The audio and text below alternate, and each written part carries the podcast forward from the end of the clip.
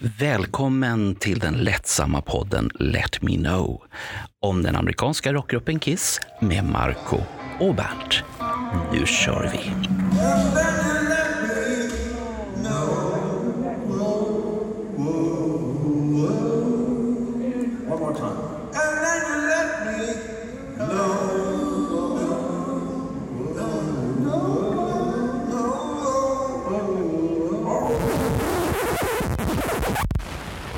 På dig. Vad har vi gjort sen senast? Vi har varit på konsert. Det var vad vi har gjort sen senast. Och vi har varit trevliga mot varandra. Vi har varit trevliga mot en massa andra människor. Vi har pratat jättemycket Kiss och vi har pratat Electric Boys. Men framför allt så var de ju fantastiskt trevliga de som vi träffade. Vi fick ju träffa Jolle och han som kallar sig för Ankan. Men, men det som gjorde mig lite glad så där, det var ju att Jolle ville ju gärna Eh, prata om våran podd. Den här som vi pratar i just nu. Och eh, sen råkar han ju vara en medlem i, i Car Jam. Så att det finns ju lite grann för oss att prata om. Kanske i ett framtida avsnitt med Jolle. Han var, han var lite nervös där och eh, det enda var han sa att vad ska vi prata om och då kom du med ditt att det är bara ett vanligt samtal vi ska ha. Det hörde jag hur du försökte manipulera. Och sen, sen, var, sen, sen var ju Ronny så rolig där också att han sa det är inget farligt, det är jätteroligt, det är jätteroligt för Ronny var med på konserten också. Men Mm, annars har det, inte, har det inte hänt någonting annat då? För jag vet att du har varit ute och härjat på dina jävla loppisar. Det är ditt helgnöje nu för tiden. Ehm, jag kan säga så här, loppisar är en terapiform skulle jag vilja säga. Jag har i en månad och kommer att plugga i två månader till IT-kunskap. För att i grund och botten så säger folk att jag är supporttekniker. Och för att kunna vara supporttekniker så måste man ju tanka upp ny information. Och ehm, då är det åtta timmar om dagen, fem dagar i veckan. Och då behöver man rensa hjärnan. Och får man inte hänga med Marco och göra podd, då måste man göra någonting annat. Och ehm, då tycker jag att gå på loppis och leta efter femkronors CD-skivor eh, med Kiss eller med andra artister, det är oerhört avstressande. Men måste de kosta fem kronor? De kan kosta mindre också, det är helt okej. Jaha, är det, budgettaket fem kronor? Nej, nej, nej, nej, nej. nej men det, det är som här, CD-skivor är fortfarande väldigt, väldigt billigt att köpa på loppisar. Det är lite grann som, jag hade en loppisperiod i början på 2010-talet och då köpte man LP-skivor för ungefär samma pengar som nu. En femma för en rock'n'roll over. Det är fina grejer. Varför är CDn så impopulär? Det hajar inte jag riktigt. För det är inget fel på ljudet och den är enkel. Nej, Man sätter i den, man kan ha en sån här CD-växlare och du, den kan rotera mellan flera skivor. Och det Mm. låter bra. Jag, för- jag förstår Ja. inte den här nostalgin med ha LP-skivor. Det knastrar och du ska byta sida. Nålen hoppar, det är damm och fanskap. Och du ska använda trälim på skivan och spotta sydväst. Och, och sen ska du hoppa fem gånger för att det inte ska knastra. Nej, jag, jag, jag har jättesvårt att förstå det där. Mm. Eh, jag, jag kan dra den här lilla eh, versionen. Eh, om vi går till någonstans i eh, 93, 94, 95 så är det så att då är LP-skivan helt död. Mm. Folk kastar sina LP-skivor. De åker, på, de åker inte ens på loppis utan de åker iväg till sin återvinningsstation och så slänger de i alla sina LP-skivor i bärbart och tänker att ja, det finns, finns en tid för allting. Och sen så går de och köper upp sina favoriter på CD. Sen går det en massa, massa år och vi kommer fram till, jag skulle säga runt 2014, 2015. Då börjar vinylen att vakna igen. Då, då vaknar nostalgiken i många människor. De kommer ihåg hur det var i sin barndom att få hålla de här stora skivorna. Och då börjar de helt plötsligt att köpa på sig LP-skivor igen. Och det här växer och växer och växer. Jag skulle säga att runt 2016, det är då som exempelvis en butik som Bengans i Stockholm går ifrån att nästan bara ha CD-skivor till att det blir 50-50. Och sen så har det gått mer och mer ut för, för CD-skivorna samtidigt som strömmande kommer. Det har ju funnits länge men det kommer starkare och starkare. Så att det, jag brukar säga så här de som har med sig CD-skivor ut på en loppis, det är en familj som egentligen ska sälja sina barnkläder i olika storlekar. Och sen så säger de precis innan de ska gå, nej men vi tar med CD-skivorna, de står bara i hyllan och tar plats. Vi lyssnar ju på Spotify i alla fall. Och så kommer de ut och sen eh, om det är inom mitt intresseområde så köper jag dem. Fem spänn styck. Och, och igen, på något sätt så är det ju skamligt för att jag kan alltså få en stor och tung bärkasse för kanske 100, 150 spänn. Och det kan ju vara både 60, 70 och 80 skivor som är intressanta. Jag skulle aldrig köpa en skiva som jag inte vill ha. Så där har du egentligen en ganska intressant grej. Och det är att, och sen har ju LP-skivorna gått upp i pris något infernaliskt. Jag menar, du får ju ledigt betala 400 spänn en vanlig LP-skiva. Och nu kommer vi till det roliga. Att de som köper LP-skivor är farbröder i din och min ålder. Och de köper nostalgiska skivor. Alltså, tänk nu så här. Först så köpte de skivorna på 70 och fram till början på 80-talet. Sen slängde man dem. och köpte de CD-skivor. Sen gav de bort sina CD-skivor och lyssnade strömmande och nu köper man dem på LP igen. Det är min... Det, det, det, det är din teori med andra ord. Jag vet inte. Det, det enda jag tycker är positivt med LP-skivan jämfört med CD, det är ju storleken. Fodralet har en betydelse. I CD-skivan så blir det väldigt smått och det, det, det är som Iron Maidens skivor. De är ju inte alls lika roliga i CD-format. Och titta på omslaget som de här stora var. Då lyssnar man samtidigt och så letar man efter, står Alexander the Great någonstans på skivomslaget här nu? Eller Wasted Years eller vad som helst. Man går och letar och så hittar man, åh titta, här är det någonting. I ögat där har de pintat in någonting och sånt här. Och det, det är det som är det häftiga med de grejerna. Det är, det är som, ah, samma med Alive 2 när du öppnar det där innerkonvolutet. Och du ser, Mm. det, det blir ju inte samma sak med CD. Nej, Det, det blir så, Nej, nej. okej, ja, det, det, det var häftigt, men när du har den här stora, det, det, det är det som är skillnaden. En annan positiv nyhet, att idag, om man har tittat och känner mig, så la jag upp på en händelse på jobbet och fick jag nya destroyer levererat till jobbet, mina ex. Mm. Och då pratar vi om, vi pratar om tidningen nu. Ja, tidningen såklart. Självklart Ja, tidningen. Och, och så skickar jag ett eh, sms till Ronny. Nu har tidningen kommit. Jag kommer klockan fyra. han, han kom där vid fyra. Det var panik. Jag ska ha. Åh, vad glad han var. Han är, han är på G. Han har, mycket, han har mycket roliga grejer till nästa nummer på G. Alltså. Så att han skulle göra en intervju med en speciell person. Jag, jag, jag vill inte avslöja artikeln, men det var mycket häftig grej. Men det blir häftigt. Ja, men vänta, du glömmer, Ja, du glömde jag. att berätta en sak om Ronny. Det var vi som, som berättade först. För vi har ju släppt ifrån oss två stycken Ronny-poddar. Ja, en lång och Ja. där introducerar vi honom som tidningen Destroyers nya chefredaktör. ja. Och sen så hade vi ju ett avsnitt till. Reda, inte chefredaktör, redaktionschef. Vad är det för Chefreda, skillnad? chefredaktören Niklas, han, han är ansvarig för allt. Så vill någon stämma oss så är det Niklas som åker dit och vi andra åker iväg. Ah, och säger nej. ansvarig utgivare. Ja, han är, han är ansvarig utgivare och chefredaktör. Och då pekar vi på honom. Det är han som är ansvarig. Vi har ingen aning om vad han har... Han har sagt att vi skulle göra så här. Då.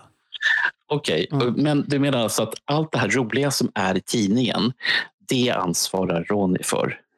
Ja, han har varit med, mest har det varit Niklas som har styrt det mesta och sen har han fått in artiklar och han har bestämt teman och på senare tid så har han fått hjälp mer och mer utav Ronny med den de senaste numren och Mm. det, det som är positivt med Ronny är, det, det kanske ni hörde på podden senast, att han är väldigt driven.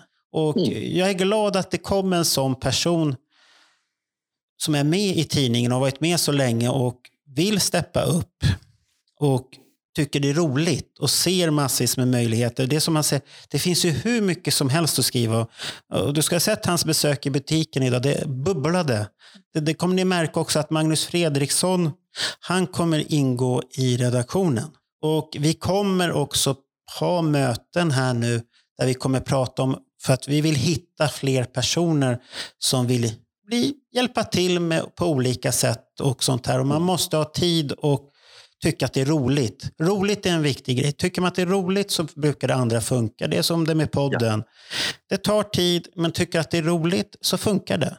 Det är ingen fara, för det, du får så mycket rolig feedback tillbaka och, och allt det här. Det, det är som Ronny sa efter han hade, jag vet inte om han har lyssnat på podden själv ännu, men han sa bara till mig att det var väldigt roligt att vara med. Han trodde inte det. Det positiva då när man får den här feedbacken, och det har vi fått från flera, att de tycker att det är roligt. Då, då blir Ja. man glad och eh, de får feedback och, de, och sånt här. Men det jag har förstått tycker många att det är läskigt att lyssna på sig själv. Och det, det kan, Mm. eh, Tyvärr har jag blivit van med det att lyssna på mig själv. För jag kan lyssna på vår podd efter man har släppt den för att höra vart det är bra, vad kunde ha gjorts bättre och sånt där. Jag Mm. tänker inte på att det är jag själv längre. Även jag en gång för jättelänge sedan har ju varit en sån här som tänker att "Ja, men det där kan ju inte vara jag. Och det, då har vi det här jobbiga med att man, man hör sig själv inifrån istället för utifrån. Nej, Alla nej, går omkring och tänker vad konstigt jag låter, ingen vill höra det här. nej det, det, det, blir fel. Det blir fel Och, som ehm, du säger då. Man måste tänka på helt andra saker. En, en bonus tänkte jag från helgen, så vi ska avsluta det här blocket, vad vi har gjort sen sist. Det var det här... äh, Ja. Tänk, tänkte du på det här roliga udda mötet som Udda hände? möten. Ja, udda mötet som hände. Jag går på toaletten efter Electric Boys. Jag förstod, du pratade om Marie. Mm. Marie Karlsson då, som, var med för ja. en månad Ja, sedan. och du pratade om henne. Och du sa att ja, systern ska vara här. Hon ska, och det, Marie skrev det på Facebook när jag la upp bilder. Ja, syrran är där. Du har plåtat henne. Jaha, och så tittade vi. förstod inte vem det var riktigt. För att hon var ju Ja. bakom pelaren på något konstigt sätt. Ja. Och, och jag, jag såg inte det du såg. För jag såg Mm. bara de andra personerna. Och det, för mig var det eh, bandmedlemmarnas fruar. Jag, Ja. jag såg aldrig den sista personen som du såg, så jag hade ingen aning vem du pratade. Men så gick jag på toaletten och så står jag där i kön, för det var en kö som var rätt så lång där ett tag. Eh, och, så, och så kommer det in två damer och så säger hon så här, du har en häftig t-shirt. Kiss-t-shirten är häftig. Jag bara, åh tack. Och så tänkte jag, jag, jag sa inget, jag brukar ju prata med, men jag gjorde inte det faktiskt. Jag var tyst för en gångs skull. Och så säger hon så här, min syster, hon är jättegalen i Kiss. Men då kanske jag känner henne eftersom jag håller på mycket med Kiss-relaterade saker. Jaha, ja vad heter hon? Ja, Marie Karlsson. Jaha, Mm. Bo, bor hon i Kiruna idag? Ja. Ja, men då vet jag vem det är, för hon var med i podden. Jaha, är det du som gör podden? Ja, jag är Marco, säger jag. Jaha, det är du som är Marco. Ja, det har jag hört mycket talas om. Jaha, tänkte jag. Då är det dags att gå från toaletten, tänkte jag. Nu- vill inte jag höra mer.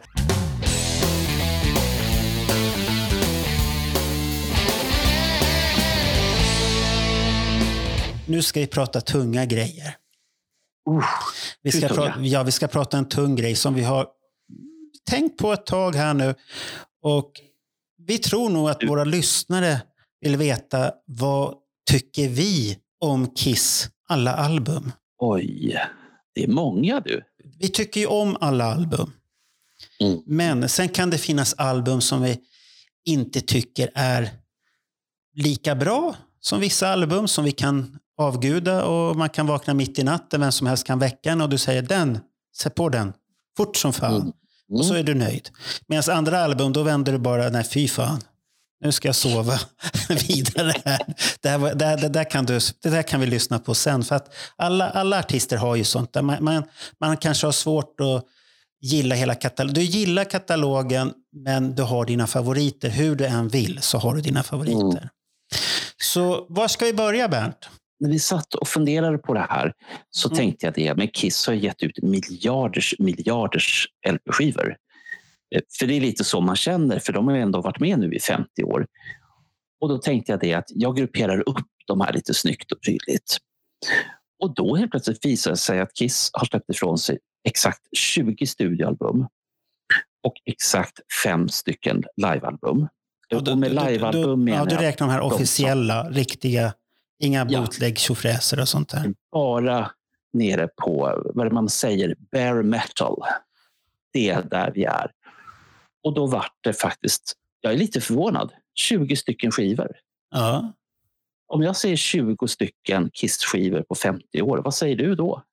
Ja, det är rätt så bra tycker jag. Och sen undrar jag, ska vi prata om skivorna i den kontext när de kom? Det vill säga att Kiss första skiva, då var jag 12. Och så minns jag skivan som 12-åring. Eller, så frågan är, är vi 56 och 60 eller är vi 12?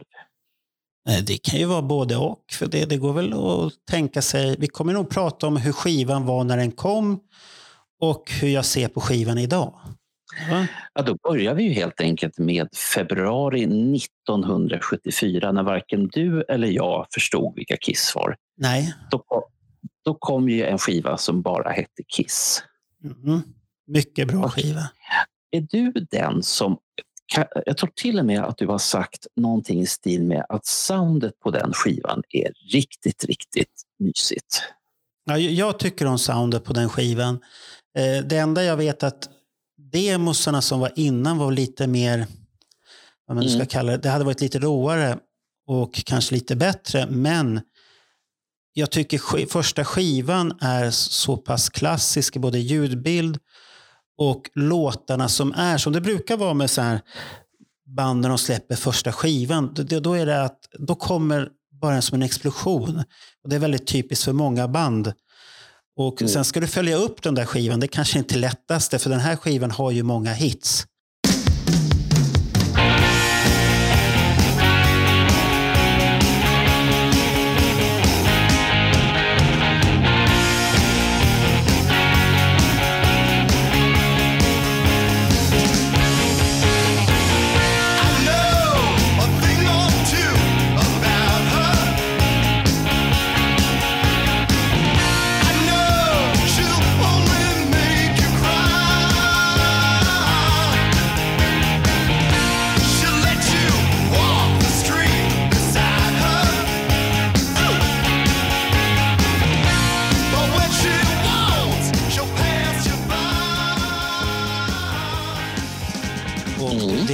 Låtar.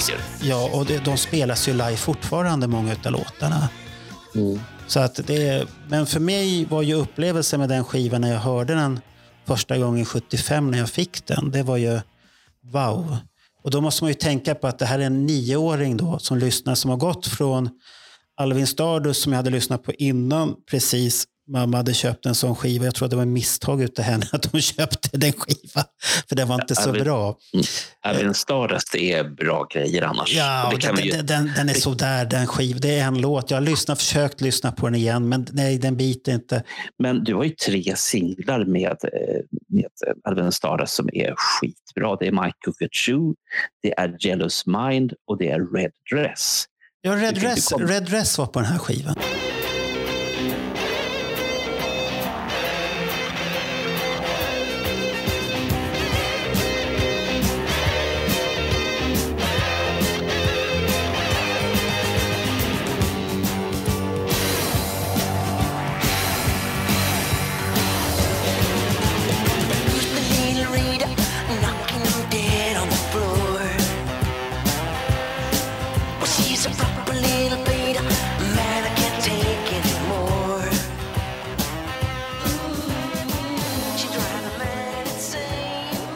Ja, men sen, sen kom ju inte resten upp på den nivån. Men det var det jag, och sen får vi inte glömma alla Tintin-album jag hade innan. Och, oh, och såna här, ja. Äh, vad var min mammas favorit? Dana Summer. Oh. Ja, jag, jag, jag, jag, jag var väldigt oförstående när den här skivan med Dana Summer kom, där det är mycket stön och grejer. Jag tänkte, ja det var en lång låt, men man förstod inte så mycket. Det kanske var lika bra det, men, men det satte Ja, det kom ju samma år som Dress to kill som ja, ja, vi, vi kanske kommer till så småningom. Det, det, det är ett snyggt skivomslag på det annars. Men då när man går från det och när jag satte på den här skivan, Kiss första skiva första gången, då var det B-sidan som hamnade på först. Så jag hörde ju Deuce. Och den är ju fortfarande än idag min favoritlåt. Så att eh, den är viktig. Deuce kan jag säga, eh, mitt dilemma med den här skivan och ja. med en del andra skivor, det handlar om att de varit väldigt, för mig så var de sönderspelade under 70-talet. Dels som, som studioalbum Dels när de kom live på Alive och längre fem då låtarna som ligger på Alive 2. För att inte förglömma en skiva som på sätt och vis hör ihop här och det är ju uh, The Originals. Det är ju Kiss, Hotter than Hell och Just to Kill. Alla de här har ju en de hör ju ihop, för de har ju ett, ett sound som påminner om varandra. Men den här första som du är inne på, det som jag reagerade på det var att sminkningen var helt annorlunda. Och då tänkte man inte på att det här var liksom kanske inte version 1.0 men kanske version 0.9 utav sminkningen. Fraleys eh, silverhår och eh, Chris eh, sminkning som kanske inte riktigt stämmer överens eh, och så vidare och så vidare. Mm. Men, eh, så att, så att den är ju lite så här, den, den är lite udda på det viset för att vi satt ju, precis som jag kan tänka mig att folk gör idag, med LP-skivan i högsta hugg och fantiserade ihop vad var det som händer på låtarna med hjälp av omslaget. Och det finns ju inte så mycket att fantisera, det finns en bild, that's it. Mm, det kommer jag ihåg. Och sen, och sen långt senare, det var när jag hade fanclub någon gång kan det ha varit 76, 77 så var det någon som sa till mig, du vet du om att den här skivan finns med nio låtar istället för tio? Va? sa jag. Vilken låt då? Kiss in time. Idag vet vi ju hur allting hänger ihop. Men då var det ju en, då var det en jakt efter den här skivan, i alla fall för min del. Jag hittade den till slut och det var ju inga, inget värde i Kiss-skivorna på den tiden, utan de kostade ett par tior. Jag tror jag gav ja, två tior, tre tior kanske för den här. Och då hade jag den med nio låtar. Och då stod det ju att den var distribuerad av Warner Brothers dessutom. Det var inte Casablanca som hade Nej, nej. Men det var ju fortfarande bågat etiketten och allt sånt där. Så, så det är ju en liten sån här... Det är ju samlaren igen som ville ha den också. Det, det, det gick inte att bara ha den med tio låtar. Man var tvungen att ha den med nio låtar också. Så tidigt redan för vart du förstår. Men, men Mm. skivan i sig själv, vad, vad tycker du om låtarna? För det är ju det är ju många bra låtar på den. Det är ju Mm. alla de här klassikerna som spelas än idag. Du har ju bara att den börjar med Strutter. Vad ska man säga om det? Det är, det är ju en dunderlåt. Och sen har, Ja. du, sen har du Nothing to lose, Firehouse, eh, Cold Gin, Let Me Mm. Know. Oj, oj, oj. Och sen eh, kom Kissing Time. Var den på A-sidan? Sist? Jag har för- mig att den är sist på A-sidan. Ja. Ja, ja, Om, okej. jag, om, jag, okej. om jag minns rätt nu. Ja, ja, då stämmer den här listan. Då. Och sen vände man på skivan. Då kom Juice. Sen kommer den här låten som man hade lite svårt för. Love Team from Kiss. Theme from Kiss. Jag tyckte väldigt mycket om den. Därför Tyckte att den var det? instrumental. Jag tyckte om och jag tycker fortfarande om instrumentala låtar. Och det går ju igen, men framför allt på eh, två av Ace soloalbum. Eh, Fractured och Fractured 2 tror jag de heter. Och sen så har du tillbaka eh, på den här skivan så har vi Black Diamond som jag älskar början på. Den här akustiska instrumentala delen. Ja, Den, är, fin. jag så förtjust i. Ja. Men Ja. inte visste jag att det var en halv låt. Nej, nej, nej. Vi fick ju inte höra på den här äh, farliga delen av låten. Och sen hade vi 100 000 years där jag inte gillar den riktigt så mycket på det här albumet. Men på Aliven tycker jag att den kommer bättre fram. Mm. Och då gillar jag den låten tack vare Aliven. Men, Mm. men i det stora hela så är det här en skiva jag lyssnar på än idag. Den kan jag sätta på i butiken, jag kan lyssna på den jag åker till jobbet eller vad som helst. för att den, har satt sina spår i mig när den Mm. kom ut. Så det, det, den, den finns där och jag älskar den. Och den är otroligt bra skiva. Mm. Och den låter faktiskt, eh, vad ska man säga, vad ska man säga ljudkvalitetmässigt fortfarande okej. Ja, För, för jag har ju i den här podden och på andra ställen också gnällt ganska mycket om att jag tycker att många av Kiss-skivorna låter dåligt. Och då menar inte jag att det är dåliga skivor utan jag pratar om ljudet och ljudets kvalitet. ja men, det, men det är ditt hiffernörderi som du alltid kommer till där. Alltid. Ja, Alltid. Va? Och, och, och det, det som stör mig mer i så fall är ju att om vi backar tillbaka till 70-talet.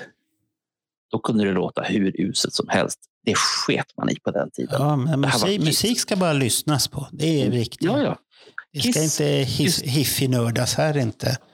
Nej, nej, nej, nej, absolut Det är inte. känsla. Och det, det kan vi fördjupa oss i i något annat program. Ja, det får vi hur göra. saker ska låta Ja. egentligen. Ja, men vad är nästa skiva sen då? Oh, Kommer du eh, ihåg Jag den? vet. Jaha, Jag vet. Okej. Aha. Eh, det här hänger ju ihop med min, mitt Kiss-uppvaknande. Det är ju Hotter than Hell. Det är skiva nummer två. Ja. Den, den tycker jag om. Är det din första skiva med Kiss? Ja, Jaha, det var den första. Där ser man. Okej. Och, och, eh, och framförallt så, jag gillar trummorna. Jag gillar soundet. Jag gillar sättet som det låter på.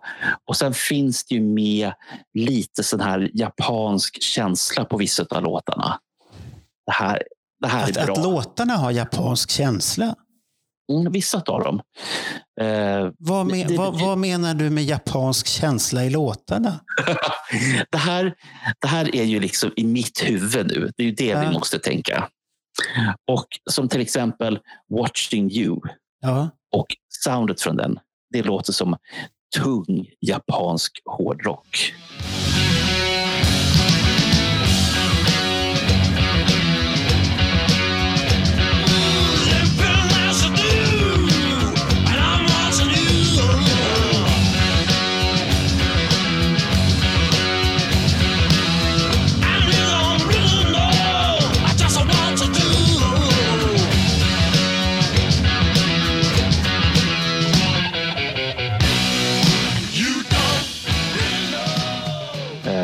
Och det, det finns andra låtar. Det finns en gång-gång på en av låtarna. Du har Got to choose som jag tycker är bara... Åh, där har du det här. Men, men, men nu, måste, nu måste jag bara hejda det här lite. Vad då japansk hårdrock? Har du hört på japansk hårdrock? Ja, sen har Lät, jag lät, lät det så här på 70-talet då eller? För de har ju Nej, bara men så här falsettsång och snabba gitarrer och det ska briljeras på instrumenten, i alla fall på 80-talet. Ja, ja, ja. Men, Ja. men i min fantasi, i mitt huvud. För det var ju som så här, när, när, jag, när jag var tittade på den här skivan. Jag skulle egentligen ha köpt Sweet Fanny Adams, som jag fick köpa en annan Ja. gång. Men, jag, men liksom det här omslaget med japanska tecken på framsidan, det var inplastat. För i Sverige så plastade vi inte in skivorna. Utan det var väldigt sällan som skivorna var inplastade. Ja. Så jag kunde inte heller öppna och titta i. Så jag var ju så otroligt sugen på den här så jag var ju tvungen att, ta, jag var tvungen att köpa den och ta med den hem. Och sen sprättade jag den på, på tunnelbanan på väg hem till Rågsved. Sen insåg jag att det var inte mycket roligt i den. inte. det roliga var på baksidan där man fick titta. Ja, Ja, ja. ja. Okej, Eh, men, jag men, förstod- vis, men jag visste, förstod- du, måste bara fråga, visste du vilka det här var då när du köpte skivan? Nej, inte en chans. Det här var ju helt nytt. Eh, Ja. Jag är lite osäker på när den faktiskt kom ut i, eh, i Sverige, men jag hittade den på Åhléns skivavdelning i vårvintern 75 och det måste ha varit, jag skulle säga mars. För det var fortfarande såna här eh, grusknaster Ja. under, under fötterna. På, på Spotify står det 22 oktober 74. Den kom ju på hösten. Och det här är Mm. spot, jag, jag vågar inte svära på att datumet är rätt här nu. Och nu har inte vi, vi ska ju bara ha ett samtal. Vi ska inte vara några experter här och uttala oss om någonting. Men, men den, den kom på hösten 74 i alla fall kan vi säga. Ja, I USA, ja. Men Ja. när kom den till Sverige? Ja, jag köpte ju min första Kiss-album våren 75 som var Kiss första skiva. Den Mm. fick jag våren 75. Och jag vet inte om... När började de dyka upp i poster egentligen? Var det, var det sent 70, 75. Var det tidigt 75 de började komma på poster också? Mm, jag skulle säga att mitt minne är Finn Costello-bilderna, de svartvita. Ja, Och Ja. det var med största sannolikhet våren 75. Annars så får jag skämmas. För jag borde veta bättre när det gäller Tiffany. ja, ja men det är det. De, har de dök upp där först i Tiffany? Mm. Eh, nej, vänta. Nu ska vi vara riktigt, Ja. riktigt formella. Den första artikeln som dök upp i Sverige det var i tidningen Go. och den var egentligen dansk från början, men översatt till svenska. Ja. Eh, Den artikeln hade en bild och en otroligt fantasifull text om hur våldsamma de var. Det är bara fantasier i hela den här texten. Och då har de omslaget Så var det hur våldsamma de var? Hade Typ, personen sett det överhuvudtaget? Eller, eller har de bara gissat? Jag tror att det är samma fantasi som användes till boken Snöret. Som vi Jaha, okej. säkert all... Har du läst den boken? Nej, jag har inte läst det, men det är den som har en kissaffisch på väggen på omslaget. Ja, ja, ja okej. Jag har Och- inte och- läst det. och, och då är det så, så att det kapitlet som handlar om Kiss, för det handlar ju om, om en kille Ja. som är lite på, på, på driven. Och han får ju se en Kiss-konsert. Men grejen är att allting som berättas om den här Kiss-konserten är bara rena fantasier. Någonting som författaren har kommit på för att det ska låta häftigt. Och jag den, kan, den att- kanske varit inspirerad av någon sån här äh, artikel utan någonting. Jag tror att den är inspirerad av de här, eh, vad är den heter, den röda serien.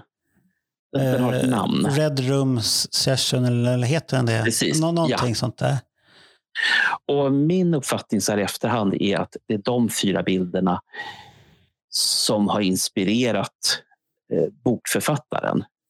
För att det som händer på scenen i boken var ju inte det som hände i scenen eller på scenen i, eh, i verkligheten.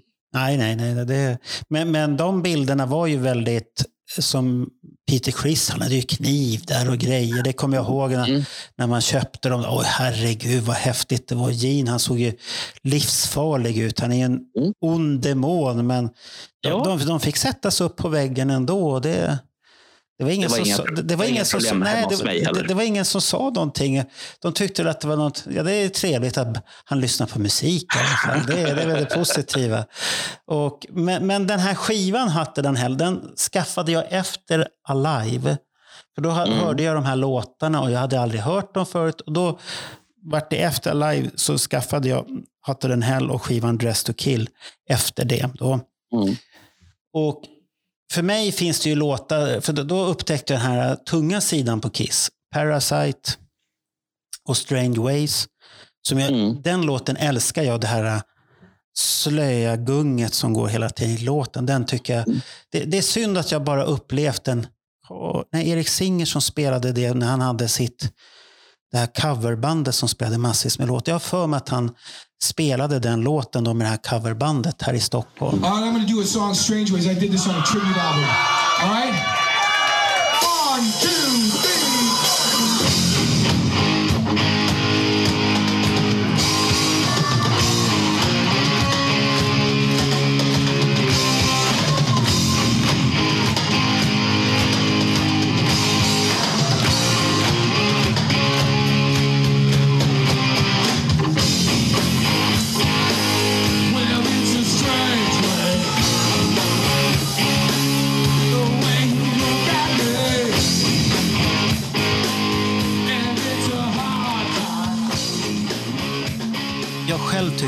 fruktansvärt bra låt.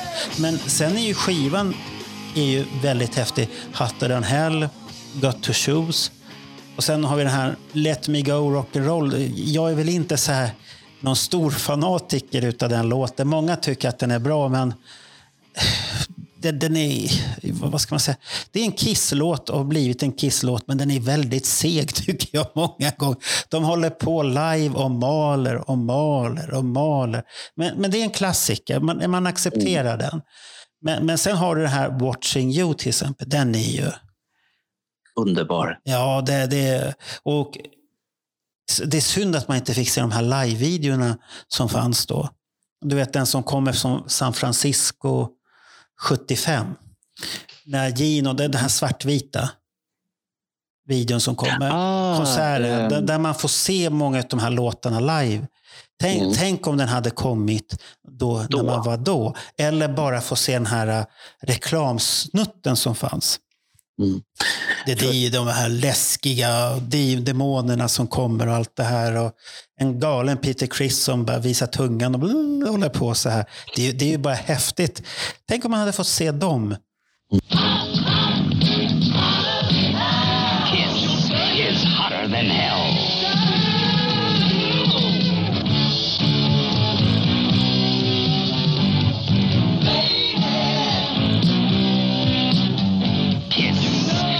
running cross country with fire and thunder.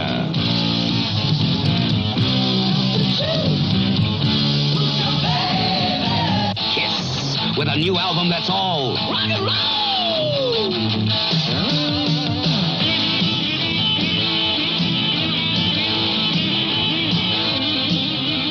Kiss, the demons of rock, burning it up in concert and on their new album, Hotter Than Hell, on Casablanca Records and Ampex tapes.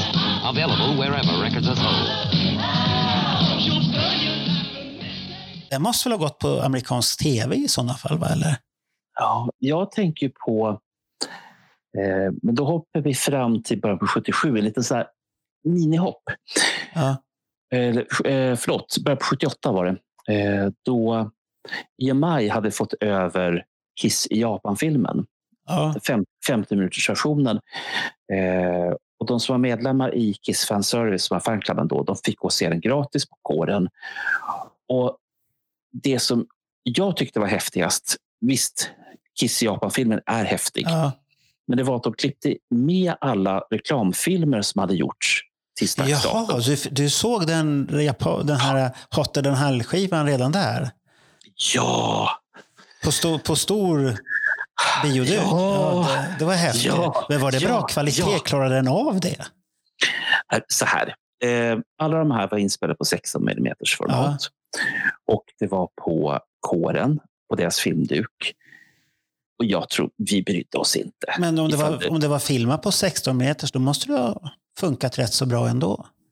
Mitt För det, minne var det, ja, för det det, var... det borde kunna gå att förstora upp det utan att det blir lidande. Mm. Det är inte som en VHS-grej. Den, den, den, Nej, nej, nej. Det går ju inte.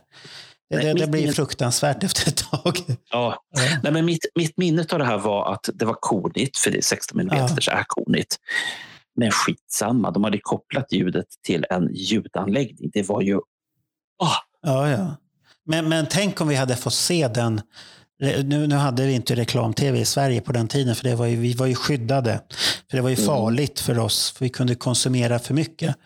Och, för många, för ja, men, men vi- vart ju matade på många andra sätt som svenska samhället inte kunde skydda oss mot, eh, om man säger så. Du, eh, Marco, vi fick faktiskt reklam på bio, glöm inte det. Jo, jo, var men ing- du var fick ju ingen som ville. Men om du tänker det här, den här Hotter than Hell och så kommer de där affischerna i poster och allt det här. Det, var ju inte bra. Alltså det var ju, man var ju helt förstörd. Jag tror många skulle vilja åka, om man fick resa tillbaka i tiden. Mm. Det är att uppleva bandet då 74. Det, det, det tycker jag är för mig viktigare än vad 76 är. 74 skulle jag vilja uppleva. Fast Mm. 75 kanske skulle vara det ultimata när Kiss spelar in Alive och det här. Och de konserterna, de börjar förstå att de är stora. Det har vi ju sett på de här videorna som har kommit ut. Ja. När de börjar förstå att de är stora. Men det är någonting mystiskt med den här tiden. Eh, 74, som du säger med skivan, hur den såg ut. Albumet med de här jävla fingrarna som kommer på sidan och håller. Mm. All, allt det där och svartvit bild, japansk text. De ser Mm. farliga ut. Alltså, de ser mycket farligare ut här än vad de gjorde på första skivan. Jag tycker inte de såg så Ja. farliga För P- Peter Criss han förstör lite det omslaget med sitt där. Tänk, tänk om man hade haft den sminkningen han har sen. Mm. Det, det hade lite mer helhet på den skivan. Mm. Så att det, det är ett snyggt omslag. Det är det, den på första skivan. Men de ser farligare ut på det här omslaget tycker jag. Hårdare än Hell, ja. Ja. Absolut. Jag delar helt din uppfattning. Men vad tycker du om skivan idag då? Är det någonting du sätter på? Ja, det gick faktiskt så pass långt så att för jag tror ungefär ett år sedan så blev jag intervjuad av Ronny angående eh, den här lilla vloggen som ibland dyker upp på söndagarna på Youtube. Och då efterlyste tidningen Destroyer, den här som du eh, layoutar, du vet. ja. Jag efterlyste en bild och då hade min dotter precis tagit en bild på mig där jag hade återinköpt en Hotter than Hell. Och då hade jag återinköpt den tyska originalpressningen med vanliga S. Ah, Inga ja. nya S, inga blixt-S. Utan, Vanliga ja. ja. Så att när tyskarna, och det var Bella Font på den tiden, på samma sätt som EMI hade rättigheterna i Sverige. De tänkte, vad ska vi göra? Vad ska vi göra? Vi, vi plockar fram Helvetica, pang bom. Ja, Så, mm. är det, så är det klart. ja. Ehm, och sen så gick det ju på samma sätt med de andra plattorna också. Den hemskaste är ju fortfarande Alive, där man tog fram eh, ja, klister och, och tejp. I alla fall, så att den här skivan då, 1974 eller 75, den hade jag aldrig köpt överhuvudtaget. För att det fulaste som fanns, det var de tyska S. Jag skulle aldrig någonsin köpa en sån då. Och jag vet inte vad som har hänt i huvudet på mig. Helt plötsligt så, nu har jag den. Sen kan jag störa mig på ljudbilden för att jag hade önskat att det hade varit lite bättre. Men, men på ett Mm. sätt så tillhör den där taskiga ljudbilden barndomen. Att det ska vara det här lite dödsmetallsfeeling. Att det låter lite kast och, och farligt samtidigt. Mm. Och, som Watching. Så Det, det, det, det funkar. Det funkar. Det är en bra skiva. Ja, nej, jag ville bortse från det dåliga ljudet som jag skulle vilja säga att alla tre skivorna hade. Ettan låter lite bättre än Hotter than Hell och dit vi kommer om en stund, Ja. nämligen Dress to Kill. Ja, Dress to Kill då? Vad tycker du om den då? Alltså den är på något sätt eh, Hotter than Hells motsats. Även fast jag ville gruppera ihop de här tre. Och det beror på att omslaget är otroligt nedtonat. Ja, men det, Det är ju bara- grymt. Det är ju så grymt det omslaget tycker jag. Du är inne på Less is more här. Ja, jag, jag tycker det är grymt. Det, det, det funkar, för det här är ju, de är dressed to kill. Mm. De har klätt upp sig plötsligt och, Ja. och fina. De ska söka banklån för större scenshow och allt möjligt. och då måste man ju i, se i, papp, i, represent- pappas, eh, I pappas kavaj. ja, och träskor. Ja, och så är den lite för liten därför att pappa var ju inte lika lång som, som sonen var. men, men jag tycker den är klassisk, det är skivomslaget. Mm. Och sen finns det ju lite Och- fel på den också. Att man har kastat bort ett S på ett ställe och, Jag, tyck, jag, jag tycker mycket om ursprungsupplagan eh, när den kom med de här eh, relieferna på loggan. Ja, det, det är häftigt. Det är snyggt. Den, eh, och, men sen så är det fortfarande ju samma...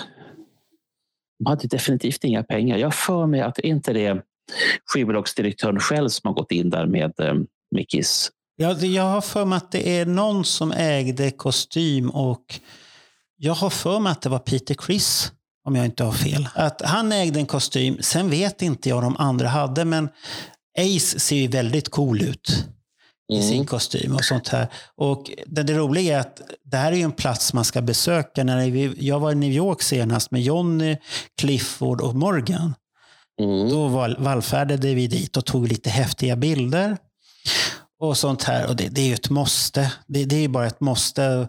Ta de där bilderna och känna. Och man tycker att man ser gubbarna när man står där och med sin kaffe i handen. Och det här, här stod de och här gick de. Och vad tänkte folk? Ja, det har vi ju sett på bilder som är runt omkring plåtning. Att folk kan titta lite snett. Så, vad är det här för kufar? Och då, då måste det betyda, om de kollar vad det är för kufar, att de var inte så stora ännu riktigt. Nej, det fanns ju inga pengar. Det, Nej, det, var det ju- var en rörelse som växte och växte. Men de Mm. sålde ju inga skivor. Det var ju där problemet var hela tiden. Säljer ingenting, men de säljer när de spelar live. Då kommer det folk hela tiden. Jo, ehm, för du var inne på att det var bara Peter som, hade, Ja. som ägde en kostym. Ja, jag har för mig att det var så. Ja, och jag har för mig att du var rätt. Ja. Men det jag vet är att um, Gene Simmons har på omslaget Bill O'Coin. Ja, det, det vet jag. Det, det är Bill Ja. O'Coin som. Och, Och, och Bill O'Coin är inte lika lång som Gene Simmons heller. nej, det, är vilket- där, det är därför han ser ut som han väntar på högvattnet. Det ko- Det kommer snart högvatten. Han, han var miljöförespråkare före sin tid redan. Redan då, ja. men, men tittar man på men så Ace ser ju väldigt cool ut när han har sitt ben uppe. Och så är han lite gangstrig för han har ju ljusa dojor. Så han, han ser ju ut som en italiensk jävla gangster där fast han har inte har italienskt påbrå överhuvudtaget. Nej, men, men det- glöm, glöm inte Simmons träskor. De går inte ha fack på dem heller. det- Men den, den, är, den är så fin den där. Men skivan däremot då? Kan vi prata om den nu? Den har ju en av deras största hits någonsin. Ja, Den, den är på skiva. Men det som jag stör mig med på den här skivan är att den känns så himla polerad och ren och snäll i sitt ljud. Mm. Den är så snäll. Allting, det låter väldigt bra, men det, det ser så, den är så snäll. Och, låta, ja, och låtarna kommer bättre som Come and Love Me på Alive. Tsch, Oj, oj, oj. Det är det och She och och sånt här. Och Rock and Roll Night. Den funkar, men jag kommer ihåg man lyssnade, jag lyssnade här mycket på kassettband för då fick jag en Telefunkens kassettbandspelare i, i, i För då hade föräldrarna tröttnat på att jag ockuperade skivspelaren med hörlurar. Det måste vara en tillfällighet. Ja, och, och den, när de inte var hemma så var det utan hörlurar det var ju inte poppis. För då kommer du komma hem, varför är det så högt? Nej, det är inte högt.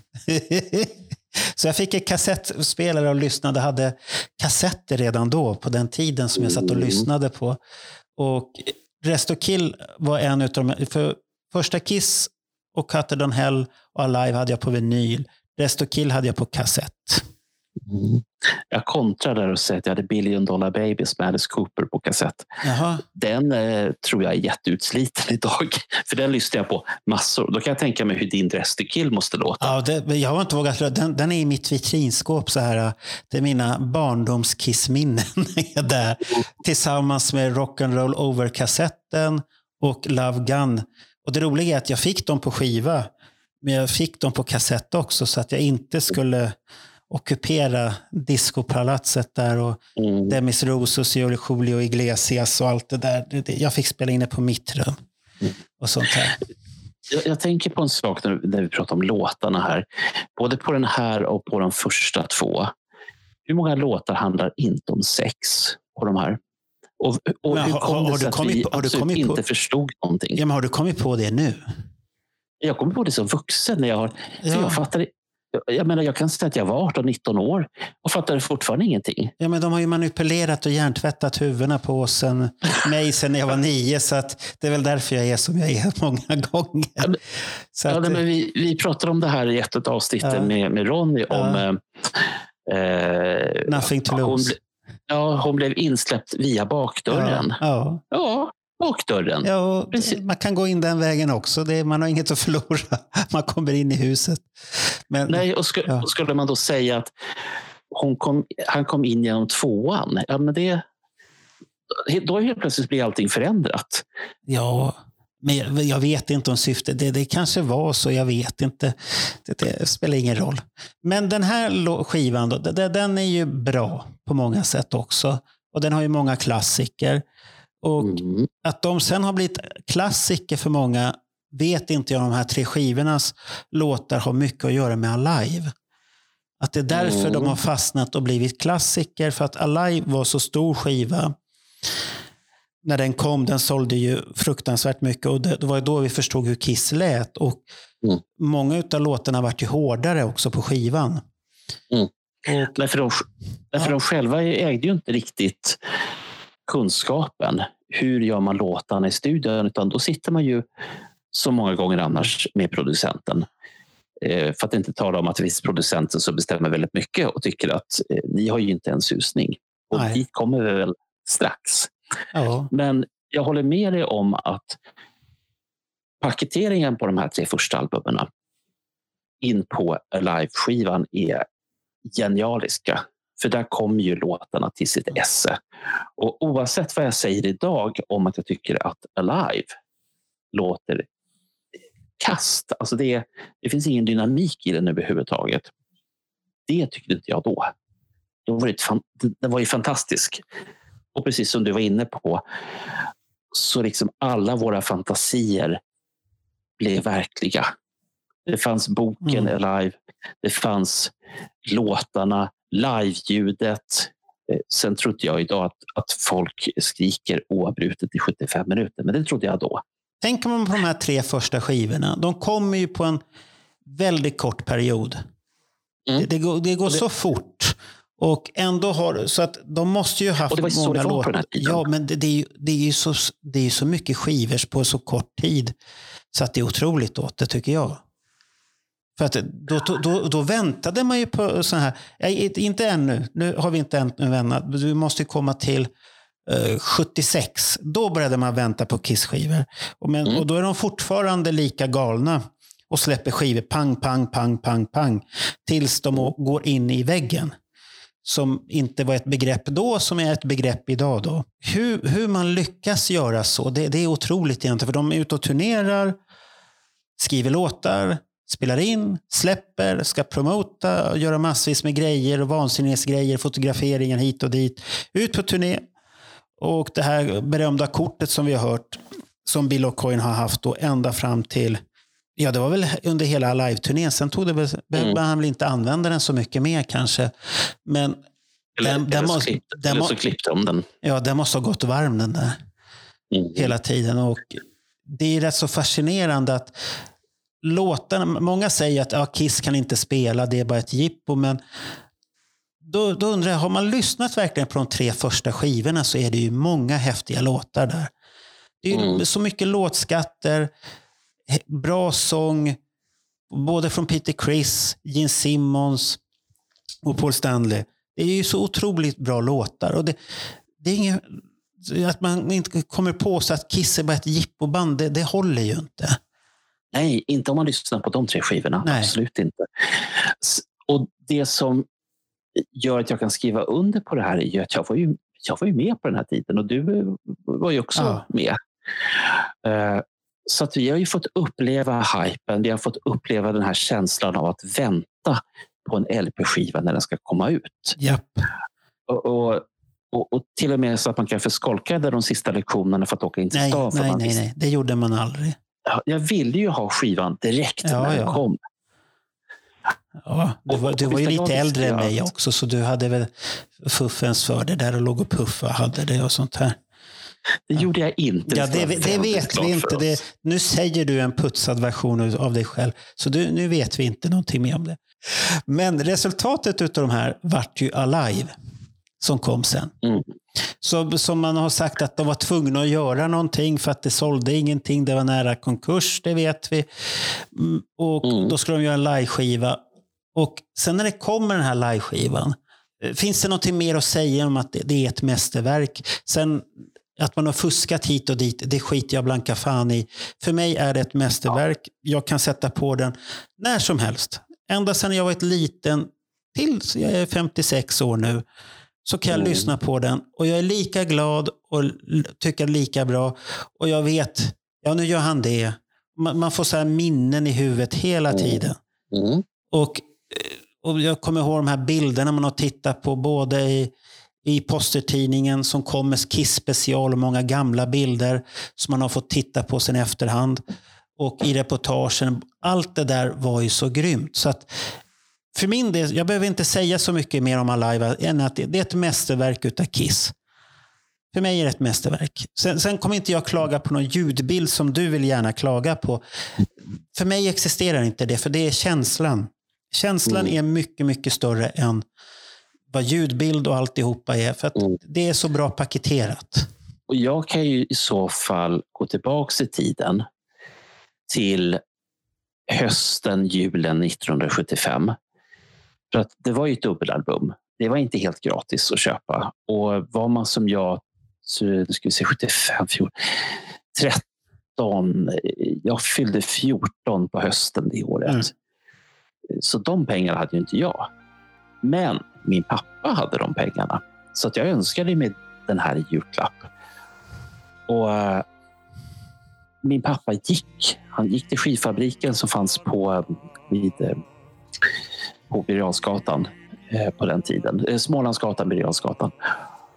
Och han frågade efter den. Han fick den. Han fick den inslagen. Jag vet inte hur länge pappa hade den här hemma hos sig, men då kommer den till oss på, på julafton. Och det är väldigt svårt att slå in LP-skivor. Det är ungefär som att slå in eh, skidor och stavar och sånt där. Men just den här känslan av att få den slita av omslagspappret. Sen sitter en jättestor hype-sticker ovanpå. Det är plast runt om. Ja. Och, och jag liksom hittar en sax för att liksom klippa bort plasten, spara hype-sticken. Och jag hade ju ingen aning om att det ligger, alltså att det är ett mittuppslag som... Ah. Eh, För jag hade ju bara gått och suktat hela hösten på, på framsidan. Och sen boken som är i. Ja, den var grym. Boken. Oj, oj, oj. Åh, Ja, och då var man lycklig. ja, hela den julen, det kan jag bara säga. Jag kommer inte ihåg så mycket från julafton, men det här kommer jag ihåg. Så det, det, det, det var minnet utav det. Så, Mm. för det, det, det är ett mästerverk för dig också med andra ord. Sen, sen kanske Ja. du tycker nu för tiden att med ditt hiffenörderi att ljudbilden är Mm. lite si och så, men skit samma. men- Ja, det sket jag i då, för Ja. då hade man hörlurar på sig. Man var helt inne i så som plattan började med J.R. Smalling som kommer ut och ropar på scenen. Det som, Men, men lyssnar du på den idag då? ja, det händer faktiskt. Det händer, ja. Ja, därför att jag måste på något sätt... Det, det är ju som så här att... Eh, om vi ska liksom bena upp lite grann här. Eh, först så kom ju alla dessa vinylskivor och de kom Ja. ju fram tills jag skulle säga 87, 88, 89. Då köpte man på LP-skiva. Och sen någonstans där runt 89, åtminstone jag, då började jag köpa eh, CD-skivorna. Inte med samma känsla som när jag köpte albumen därför att jag släppte ju Kiss 84-85.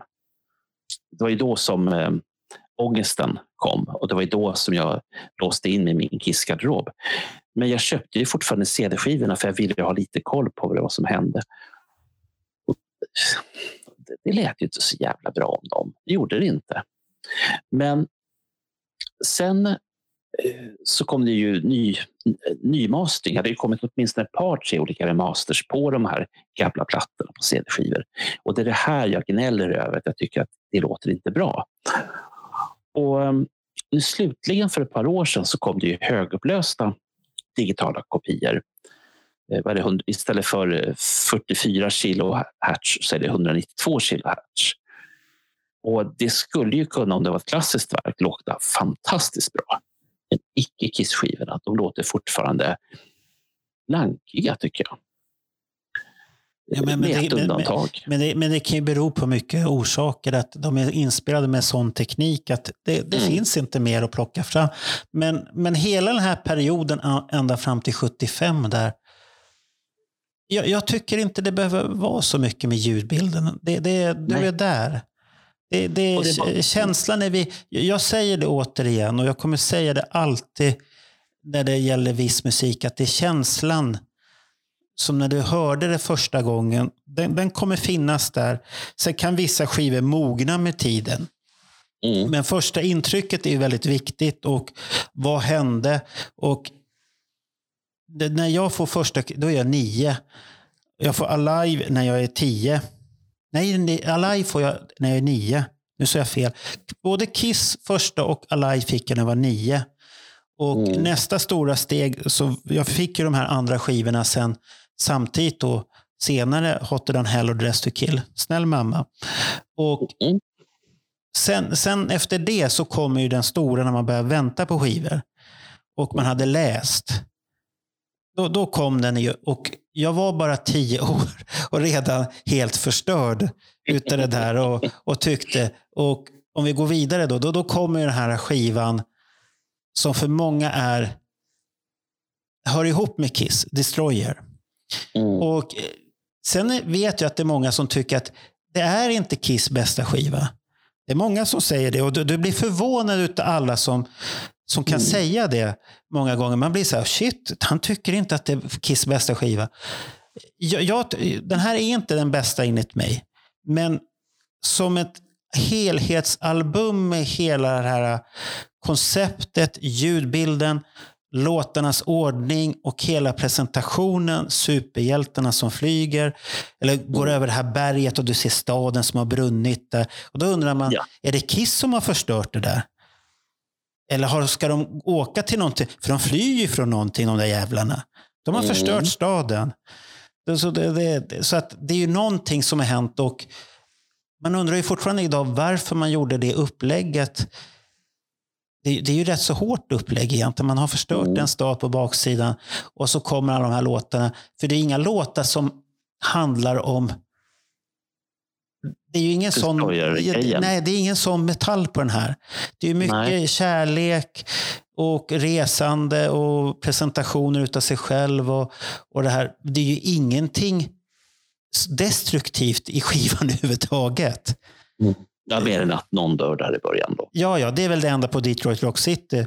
Men det är ju samtidigt en hyllningslåt för någon som skulle Mm. se det. Men, men den skivan kommer jag ihåg när man lyssnade då. Då var det en i min klass, hans brorsa hade köpt den skivan. Han var väldigt tidig på releasen. Så vi var, och efter skolan så stack vi dit, eller om vi stack på lunch. Ja, Jag kanske smet, vi kanske smet från skolan förresten. Nu kommer det fra, jag kommer inte ihåg. Ja, vi kan, nej, vi, Marco. vi tog en paus. Vi tog en paus. Det hände, Jaha, det mm. hände ingenting då. Och eh, så åkte vi, gick vi hem till honom där då. Och så lyssnade vi på den där och vi var ju så fascinerade. Wow, det var ju billjud och det krockar och det, oj, oj, oj. Och bara hela det här konceptet när vi lyssnar på Gene Simmons. Oj, nu är han rikt, nu har han blivit ond. Fast sen, sen när Great Expectations kommer så kan man ju... Ja, men, men samtidigt så... Det, det är en hyllning till fansen, vad de förväntar sig och allt det här. Och, och jag kommer ihåg den här skivan, den var så snyggt paketerad. Det tycker jag fortfarande än idag. Jag tycker den här avslutningen till och med, den här Rock'n'Roll Party, som är på slutet, den fullbordar hela skivan. Men det är ju lite han som, vad heter han, Bob? Bob, Ett- äh, Bob, S, ja, Bob S. Han, han, det är ju mycket hans verk egentligen. Mm. Att, eh, han, han har ju polerat, gjort Kiss till de här superhjältarna. Så Ken Kellys omslag där, den funkar ju klockrent. Mm. Och då ska det vara originalet, inte de här Alive-dräkterna som har dykt upp. Det ska vara de här med farliga nitar på och allt det här. Det, det, det ska vara de här grejerna och det, det ser ju så jävla brutalt ut. Alltså. Usch, vilken period det var. Det var, det var ruggigt. Jag kan ju bara hålla med dig när det gäller paketeringen. Ja. Eh, och pratar vi om det som jag minns av ljudbilden då. För, för mitt minne är många gånger hörlurar på den här tiden.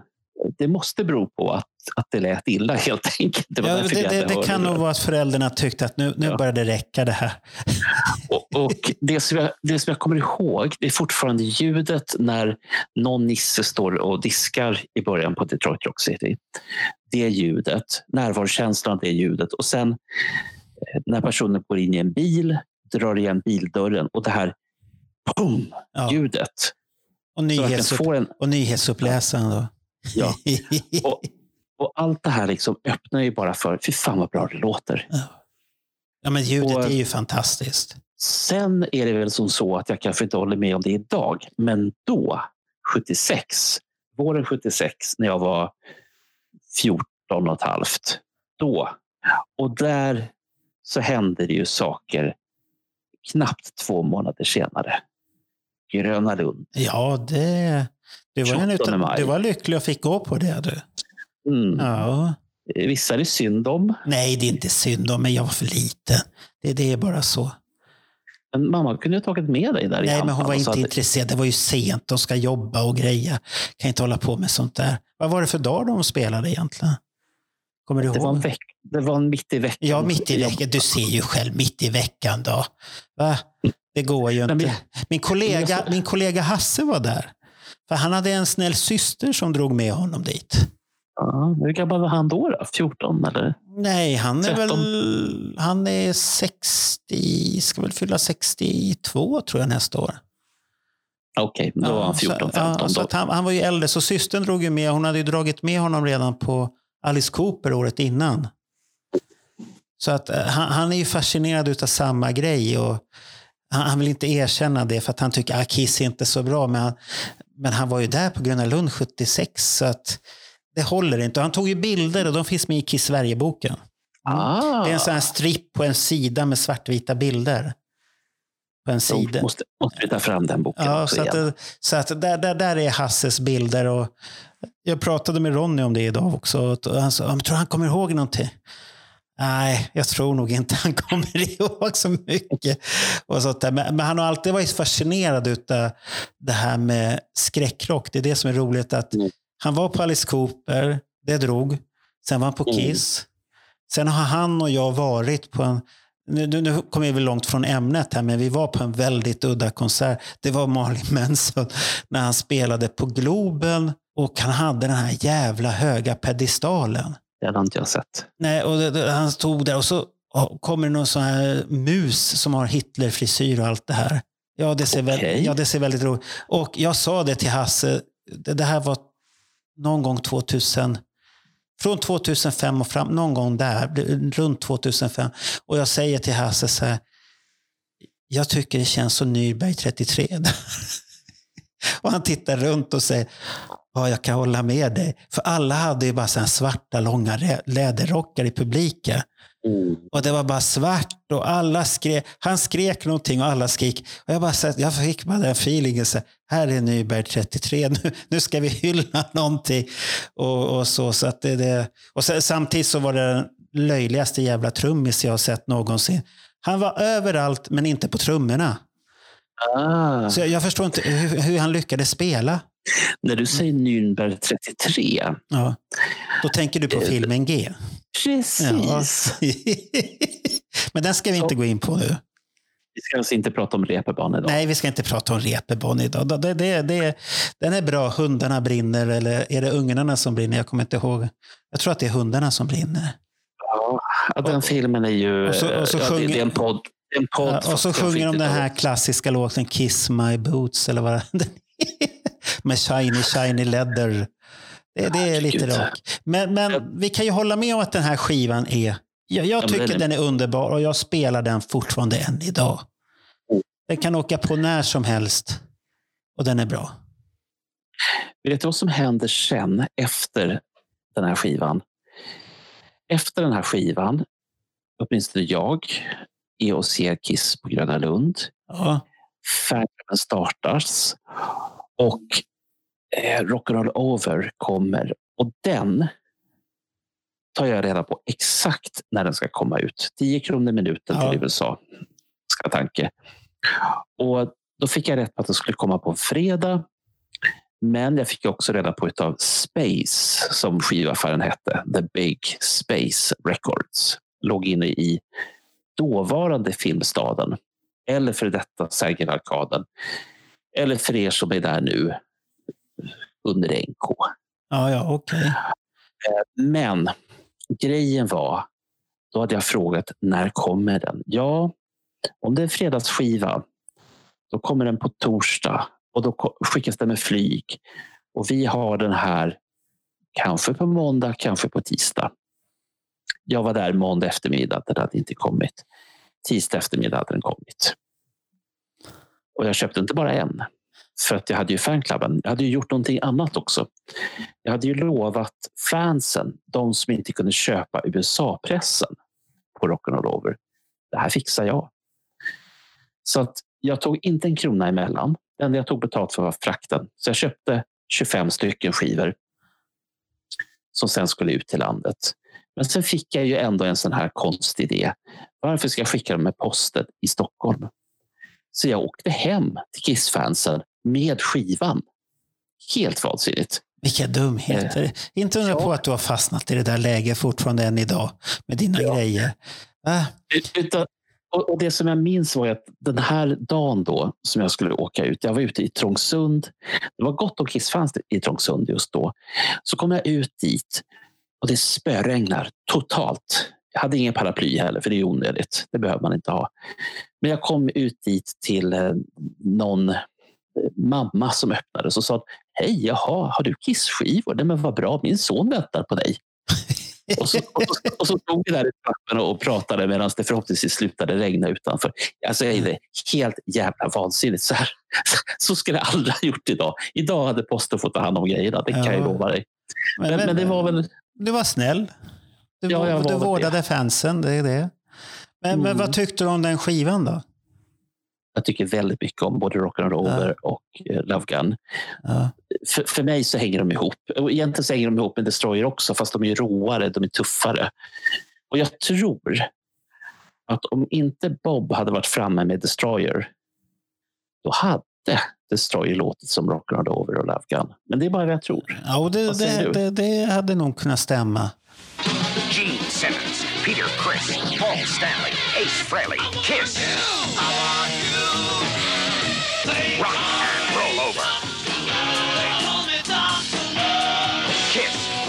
Rock over.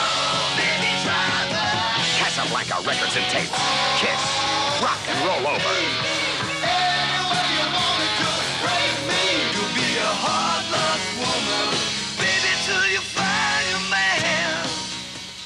att det låter. Men den har ju många, den, den har två riktigt bra låtar som jag gillar på den här skivan. Och nu kommer folk säga, ja nu är han där och gräver igen. Och det är ju Take Me.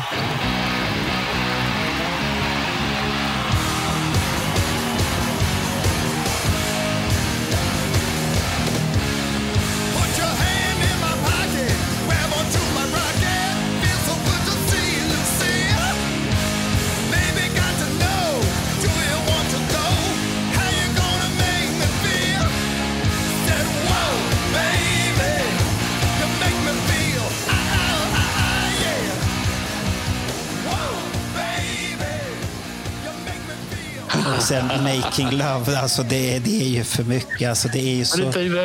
Det, oj, vilka bra vad, låtar. vad handlar de låtarna om? Det ska vi inte gå in på. Det, det märker man när man blir 18 plus. Eller 15 får det vara i Sverige. Då. Så att det, då, då, men det, det, de låtarna är ju för bra. Alltså det, det är synd att man inte får höra dem så ofta live som jag vill höra.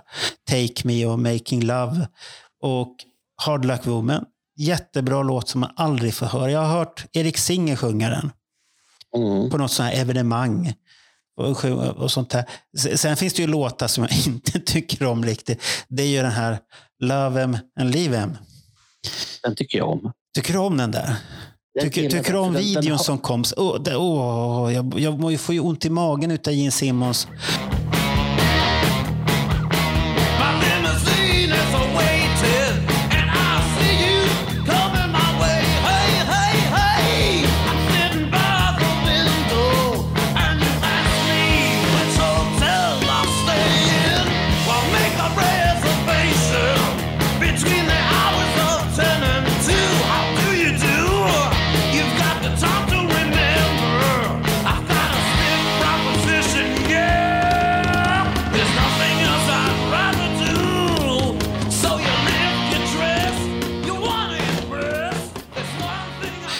Jävlar, vad har han tagit för jävla koffeintablett innan där och står och spänner och håller på så här, uh, uh, så här och så ska han sjö- Nej. Så, så, är, han är ju inte så. Han kanske sjunger förresten om sin fotobok där. Det kan det, Det ju kan vara. det göra. Ja, det, då ska han ha lagt till det, take a picture too. Något sånt där. så det, men, men den har många bra låtar. Den börjar ju bra med I want you. Mm. Det kommer jag ihåg. Pauls, Pauls röst på den låten. Oj, herregud. Och sen efter det Take Me. Och, här, och sen kommer Calling Dr. Love också. Mm. Det, sen, sen kan man ju tycka att den låten är sönderspelad. Men den är bra. Den är faktiskt bra. Den, den är rolig nu på senaste turnén för då kommer ju Paul och slår Jean på bröstet. Här har vi honom, Mr Love. Han, han, är, han är inte i sina storhetstider längre, men han som han var en gång i tiden. Då. Ja, ja, men Ja. så kan det ju vara. Det är väl ungefär som att framföra den är väl som att köra Christine 60 eller vad den nu heter. Den där Christine 16. Ja, det, den ska man inte... Ja, det, det, det, de, har li, de har ibland lite konstiga... Speciellt Gene, han är och gräver på sådana där ställen. Och Ladies Room och sånt här. Det, det, det är också en bra låt. Och det roliga med Gene är att han, han, han, enligt rykten vad jag har läst, sen vet jag inte om det är någon så här historia som okej att hitta på, det är att Gene Simmons tycker om att älska på toaletten. Vet vi det? Ja, det, det, enligt vissa reportrar så är det så. Jag vet inte om han har sagt det själv. Jag vet bara att Erik Carr har satt eld, så här rök, eld så att det kom rök en gång när Gene Simmons var på toaletten och gjorde mm. För länge? Ja, då, då satte han eld där på det. Och så, så där. Men, men vi har ju en låt man får inte glömma med Peter Criss på den här.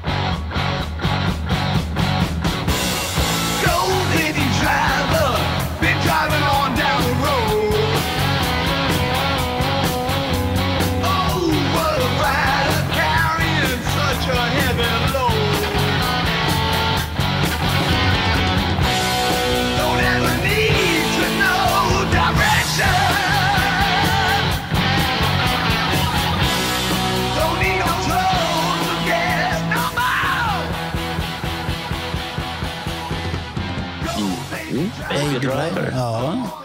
Vad tycker du om den? Och Hard Jag Luck jag- Woman sjöng han ju också, men Baby Driver är ju väl hans egna låt? Ja, det är han och eh, Stan som har Ja. eh, skrivit den. Alltså farbror F. Och han, han har ju lite udda stil, men den passar väldigt bra på skivan tycker jag. Ja, ja. Det är inget Det, fel det, på som, det. det som är lite intressant är att jag sitter och tittar här i... Jag lägger ju min musik i någonting som heter Rune. Ja. Eh, och, Rooney Rune är ett sätt att kunna ha både sina fysiska skivor och sen de här strömmande på samma ställe. Och Rune har en liten intressant grej att den länkar ihop eh, låtar. Så att om vi tar till exempel en låt som eh, I want you eller Calling Dr. Love eller Mr. Speed som det finns covers på. Då kan man klicka på den lilla knappen som finns till höger om titeln. Ja. Och rätt vad det är så får man rätt på andra band som har gjort covers på Mr. Speed Ah, eller på. Love. Och det är jävligt intressant många gånger hur, hur annorlunda andras versioner av de här låtarna låter. Oh, Men-. Men Baby Driver, så vitt Rune vet, så finns det inga covers på den. Och det tycker jag är lite sorgligt. Ja, för den är inte dålig för att vara Peter Criss låt. Fast vissa tycker att Peter Criss har aldrig gjort några bra låtar, men den är inte dålig. Den funkar gott och väl på skivan. Ja, Jag kommer ihåg när jag lyssnade på den, där, det var ingenting man sa, åh, så här, nej, nej, det, det var bra. Men, men, den här, men, men sen måste man ju prata om omslaget där.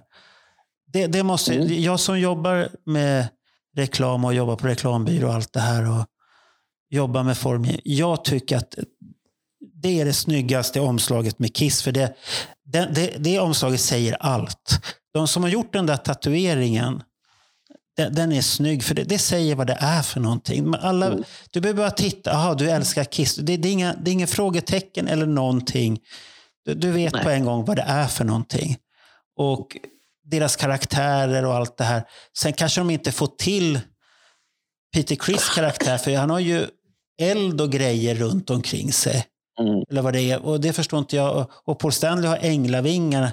Han som tycker om att jaga kvinnor och allt det här. Och det, det är lite konstigt.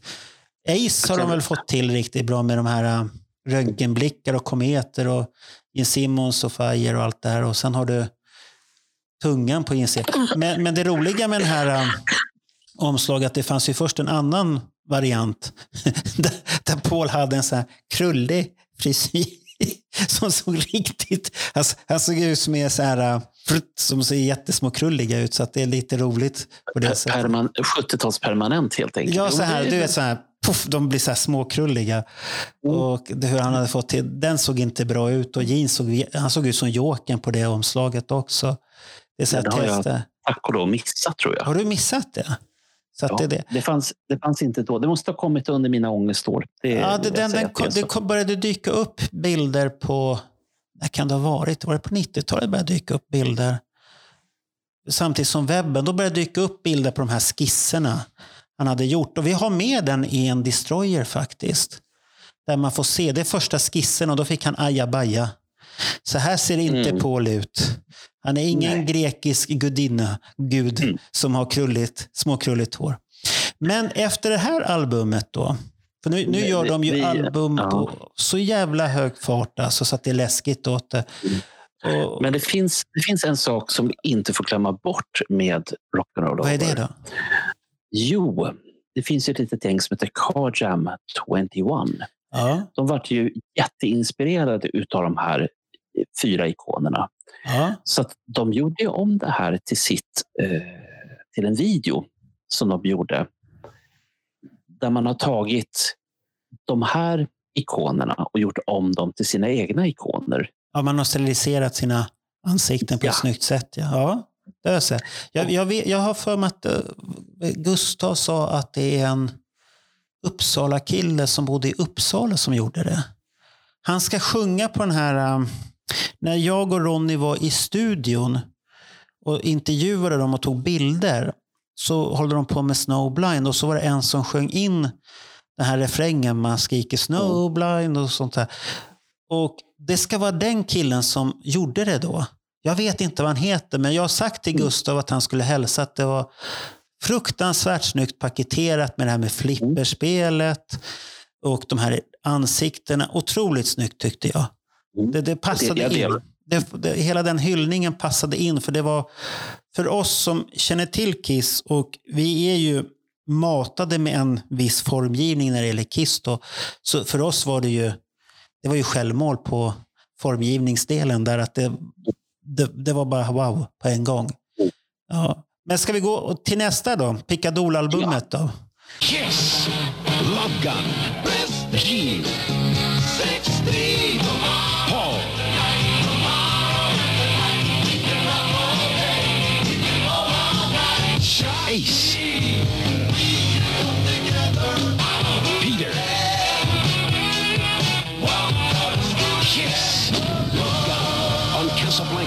Records and Tapes. Där man fick en pickadol som sa bang när man tryckte på den. Så det, det var en riktig... eh, Sen, sen förstod man ju här, vid den här åldern, för förstod man ju lite vad han började sjunga om faktiskt. Så att det... Jag, jag var väldigt naiv kan jag säga. Jag Inte, förstod inte för Love Gun kan du väl inte vara ett naiv överhuvudtaget? Nej, men- Jo, för jag tänkte, ja men det är ju en pistol. ja, men han så säger så- ju Love innan. Pull the trigger. Alltså den kom 77, jag var 15 och ett halvt när den här kom. Jag, jag, jag var naiv, jag erkänner på den. Du, du, var, du var en late bloomer som det heter. någonting. Men den började med I stole your love.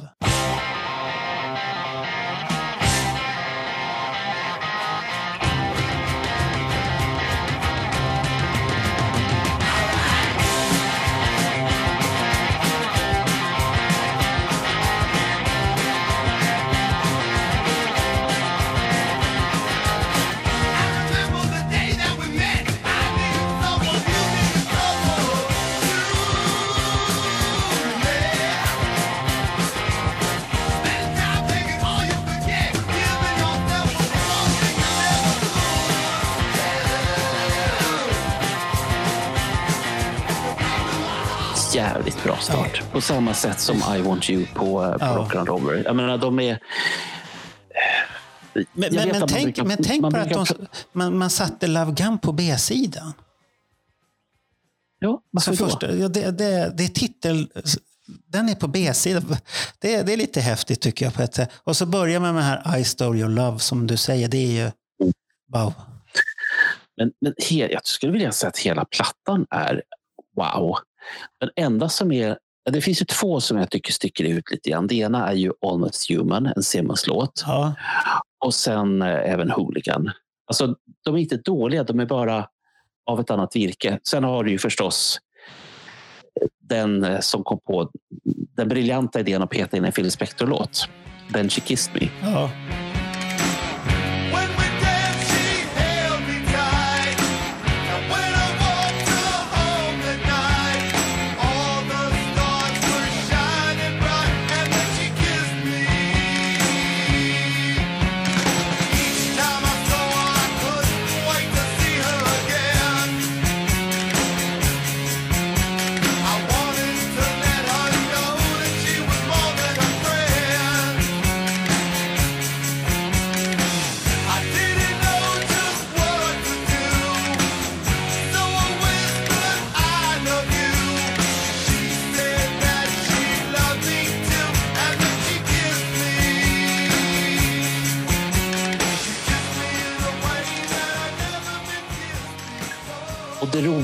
Att den kom ungefär samtidigt med Magnus Uggla. Och då hette den... Vad hette den? Har ingen aning. Vad heter den då? Eh, då hade han tagit He istället. Han, då, när han kysste mig. Oh. Och då handlade den om pojkar som kysser pojkar. Oj Att de då. tog den hela vägen där. Du tycker illa om Ho- Hooligan och Almost Human. Varför då? Nej, jag tycker inte illa om dem, men de sticker ut jämfört med de andra låtarna på plattan. De andra är mera i vad ska jag säga, symbios med varandra. Det- De, det är ungefär samma stuk på dem. Medan Hooligan är ju en Penridge-låt igen. Ja. Och den låter som den skulle kunna ha varit på Rock'n'Roll Over. Och sen Almost Human tycker jag låter som att, jag vet inte vilken skiva den ska in på, men den ska in på någon annan skiva. Men jag tycker men, om men, men, men, men Human. Simmons måste ju vara lite ond någonstans. Det här är hans, Det on- det, det här är hans on- Destroyer. Jo, men det här är hans onda låt. Han måste ju ha en ond låt med på varje skiva. Kara- Måste han det? karakt- karaktären. Mm. Ja. Ja, du kan Han, han, han är väl tillräckligt ond när han sjunger om Christine 16. Det är väl tillräckligt ont också. Men, men, men, men han måste ju vara ännu ondare. Och då blir det, han är nästan mänsklig. Och det passar ju bra ihop med Christine 16 först. Då, och sen sjunger han att han... Det, och sen har du den här äh, Plastercaster. Då. det, är hyllningen. Så det är jävla konstiga låtar egentligen. om Man bara tänker. Alltså, alltså, Ja, ja. Nu, nu, blir- nu blir det här lite konstigt. För att Ja. Christine 16 fattade jag vad den handlar om. Ja.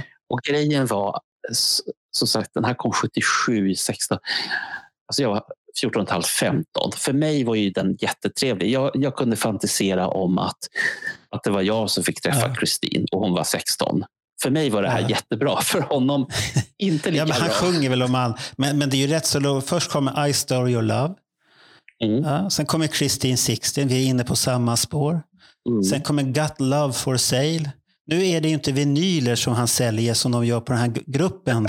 Det är ju inte det han säljer. Det är inte det det. Nej. Och sen kommer Ace. Han är lite annorlunda. Han har fått en stöt. Sen kommer Mm. Tomorrow and Tonight. Vad, är, vad är det hyllning till egentligen? Ja, till någonting. jag. Det, det, det. Sen kommer Love Gun, då, då tar vi fram den då. Och sen Peter Criss, han är en hooligan. Han är alltid. Så, så kommer Gene Simmons, nu är han almost human, nästan med. Och sen kommer Mm. Plastercaster. Och så avslutar den She Kissed Me. Först Ja. en avgjutning och sen får han en puss. Ja. Ja, jag fattar inte. Jag, fattar inte. Jag, jag, vet, jag kommer ihåg att jag slog upp det där. Och då hade vi såna här gamla ordböcker Ja. från gud vet när. Så att plastercaster är ett ord, det hittade jag inte. Nej. Eh, plaster hittade jag, det var gips. Tror jag. Jo. Och caster, det hittade jag inte heller. Så Du jag, tänkte, de kanske gör modeller. Ja. Ja, ja. Den, den fanns inte med i Airfix-katalogen 77 i alla fall. Det, det gjorde den inte det sättet. Det, det, det, sättet finns ju idag att köpa på så här humorbutiker, fast då blir det i chokladvariant istället. Då. Är det humor det? Ja, det, det, det, det skulle Gene Simmons säga. Jag vill att det ska döpas till Plasticcaster. Det är en Kiss-produkt i sådana fall. Det, det är lite hur, men det, det är som du säger, det, det är väldigt mycket udda titlar som vi sitter och Mm. Tycker att det här är riktigt bra och sånt här. Men, men det är lite roligt att vi har det här Got Love for Sale. Det är en, en, en grupp som säljer Kiss-grejer. Du s- gör Mm. dina kissar. Det, det är väldigt fyndigt faktiskt tycker jag. Att man har tagit den. Jag kommer ju tänka på en annan grej. Jag kommer tänka på Rammstein. Ja, den här exklusiva boxen. Mm. Som jag trodde var riktiga grejer de hade gjort där avgjutningar på. Men det hade de ju inte. Det har jag fått till mig att det ska vara... Nej, det är en bluff. Det berättade Ah. Jonny till mig, att det var en bluff. Det är inte riktiga avgjutningar. Så där gick den drömmen. Hur mycket du än klämmer på den så var det inte det. Nu går vi vidare till nästa album. Jag är väldigt besviken Ja. nu ska du veta. Ja, men nu går vi vidare. Nu, nu, kom, nu, nu kommer albumet som... Jag vet Som vi inte. har väntat på. Ja, men som kanske gör Kiss ännu större än vad det... För 77 när den här kom, Alive 2, Mm. var inte Kiss på sin peak då egentligen?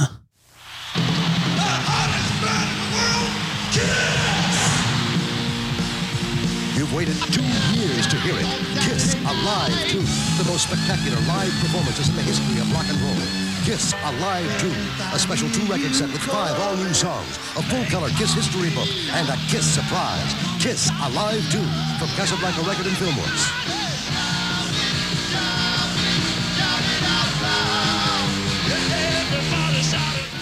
Ah, vi ska prata om eh, det. Ja. Ja. Var de inte... Ja, här- de, de var så, det har ju Alex Bergdahl till och med sagt när han har sina föreläsningar. Här är ett band på sin topp. I- Man kan inte Mm. bli större än vad man är. Och så tar man en paus. Ja, Och det, det, och det, tänker man på de orden, jag tänkte inte då på det. Men idag kan jag tänka, ja, han har ju rätt. Då- tar man en paus. Och Mm. Det kan ju bero på mycket. Det var ju som de säger att det var problem hit och problem dit. Mm. Och eh, det var därför man gjorde solalbumen som vi vet nu är bullshit. Det var inte så, Mm. för det var redan kontrakt innan. Det har ju Mm. Alex har vi tackat, han har luskat Mm. fram där. Och det, det är konstigt, för den här albumet när den kom, med den här boken, man kunde följa Evol- Evolution of Kiss. mm. Peter McKin, ja. Ja, herregud, den var så bra. Och Vilka bilder. Oj, oj, oj, oj, oj, oj, oj. Mm. Jag hade två sådana böcker. Den ena klippte jag sönder. Och gjorde min egen layout redan då. Men Marco, Ja, så att, eh, ja, jag, jag tror jag bytte till med den mot någonting, mot småsoldater eller vad det var för något. Lura någon granne, stackars granne. Men, Ja. men den här skivan, det, det enda som jag... Det, det, den är bra som Alive, men det enda jag stör mig på det är det här, för den här publiken som är så jävla galen hela tiden. Mm. Samma publik som på Alive, en publik som egentligen inte finns. Ja, fast, fast den är värre på Alive. För man har kommit på någon knapp som står dubblera den fem gånger till. Mm. Och så har det bara "Ah!" hela tiden så här. Och det, det, det blir lite för mycket, men som skiva är den ju mäktig. Det är synd att man inte fick alla de här låtarna som sen plockades bort. Det plockades ju bort vissa låtar. Just det. Men, det. men det här är ju bara för att vi vet Ja, att Alive 2 är ett ihopplock. då visste vi ju inte det. Nej, Nej. men, men vi fick reda på det ganska tidigt och det fick vi inte rätt på när det gällde Alive, att den var inspelad så som den var. För oss så är det här en enda konsert. Ja, det är en enda konsert. Det är, det är, så är det. Vi ska inte ändra den bilden. Nej. Det här är och- och också jag en minns- enda konsert. Och, ja. och jag minns när Alive 2 kom. För jag tyckte bara att det, återigen, du vet när man är så här ung och naiv. Eh, sex, 15 var jag, 15 och ett halvt. Eh, och så bara tänker jag det, vad häftigt att det kommer nu en liveskiva två år efter den första. Och de har helt nya låtar. Ja. Inte en låt är med från förra. Nej, de spelar inga gamla låtar. De, är, de var gamla redan. Så här var det. Ja, Det är lite lustigt egentligen. Men, men det, det som är häftigt med den här skivan då, det är att vi har en fjärde sida. Mm. Där du har en av mina favoriter.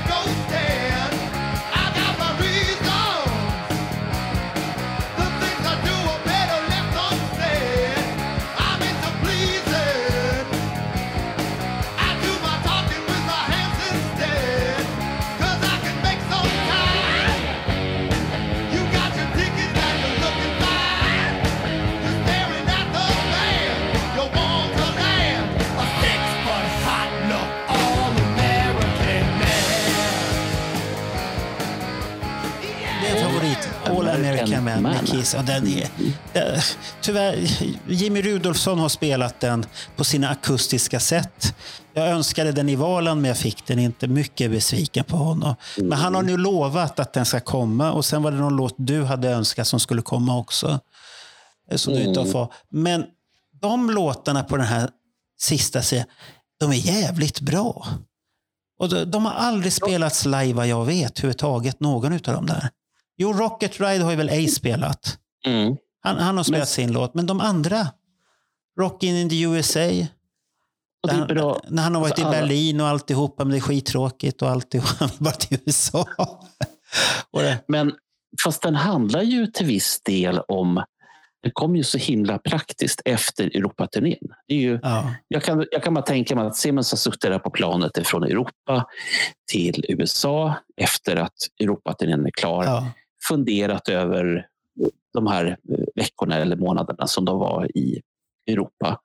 Peter Criss tyckte, tyckte att det var skit. Eh, Fraley var Ja. väl, han har inga minne. Och Simmons sitter väl där nu och ja, men sammanflätar För, alla för sina de, de var ju inte lika stora i Europa som de var i USA. Nej, Nej, så att, men hade de kommit med den här turnén till Europa, då hade det Ja. varit en helt annan grej. Det hade varit, tyngd. det, det, det, det, jag tror att det hade varit en mycket, mycket större grej. För tänk er bara den här fanbasen som hade byggts upp Mm. med tack vare poster och allt det här.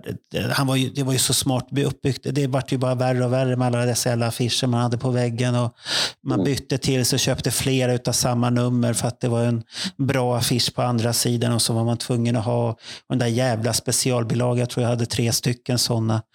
Två klippte jag sönder för jag skulle göra min egen design. Och sånt här. Och där, jag har den pärmen kvar så jag ska nog ta bilder på den någon gång. Den pärmen. Det står så här, Evolution of Kiss på pärmens framsida. Jag har klippt dem själv. Där. Mm. Redan då skadad. egen, egen layout. ja, Ja, tackar. re, redan skadad på den sidan. Men den här, de låtarna är så bra. Det, det är synd att de inte hände någonting bättre med det. Du har ju en cover där också. Det får du inte glömma bort. En gammal Dave Clark. Nej, nej, nej. Det, det, det är bra. De är alla bra på den. Jag, tycker det jag, jag kan lyssna på den här äh, sidan. Det har vi glömt att säga förresten när vi pratar om de här andra Kiss-skivorna. Hur ofta lyssnar du på Rock'n'Roll Over och Love Gun? Det, det är två skivor som jag kan sätta på än idag och lyssna. Det kanske, Love Gun kanske inte blir lika ofta Rock'n'Roll Over som Destroyer och första Kiss, men de kan komma på, jag kan bli sugen på dem. Vissa Ja, låtar jag- är garanterat. Jag satt och klurade på det här tidigare idag. Jag, jag misstänkte att frågan skulle dyka upp. Och Jag skulle säga så här. Vi kom fram till att det var 20, platt, eh, 20 Mm. album plus eh, fem, en, två, tre, fyra, ja, fem stycken liveplattor. Eh, Jag skulle säga att de som jag lyssnar på, det är de sex första studioalbumen. Det gör jag. Eh, Dynasty och Unmasked som inte har kommit till, ja, de lyssnar jag också på. Sen är det illa. Det är Kiss Killers, det är Creatures. Ja, Du tappar Och tråden sen- lite där. Alltså med andra ord. Du tappar intresset. Det låter som intresset far iväg och du kanske har blivit för... Åldern har tagit ut sin rätt också. Du börjar bli äldre och du hittar annan musik. Eller att det är Kiss ångestgarderoben som kommer. Ja, det, kan det väl också vara. För att, för att för min del så tar ju Kiss, min Kiss-period första, den tar ju slut efter de här um, solalbumen som kommer efter det här. Då, då. Mm. De, De, som, fyra, eh, ja. Och de som inte ingår i samtalet. Nej, och de, de, de kan jag tycka, vad ska man säga om dem? De har väl vissa bra låtar, men det, det, det är ingenting. Paul Stanley. Gene Simmons. Peter Chris. Ace Frehley. The Kiss albums, one by each of the four Kiss stars on Casablanca Records and Tapes. Jag kan Vi, vi lyfta... kan återkomma Ja, till dem helt det, enkelt. ja, så det, det, det är svårt. Men, men sen när det blir det här Return of Kiss, Dynasty, det, det är en skiva jag inte lyssnar ofta på idag överhuvudtaget. Det är någon Paul Stanley-låt, men ja, Karisma tyckte jag väl var bra, men Dirty Living, nej. Hard Times, I- nej. I, i, I förlängd version. Vilken då? Dirty Living? Eh, ja, Nej, nej. Nej, jag, nej, det, nej det här skiv, den, den är 39 minuter och två sekunder lång och det räcker gott och väl. Fan, nej. The return of Kiss. The return of Kiss. Don't miss the return of Kiss. It's the album you've waited two years to hear. Kiss Dynasty. It's the hot new, all new album from Casablanca. Kiss Dynasty.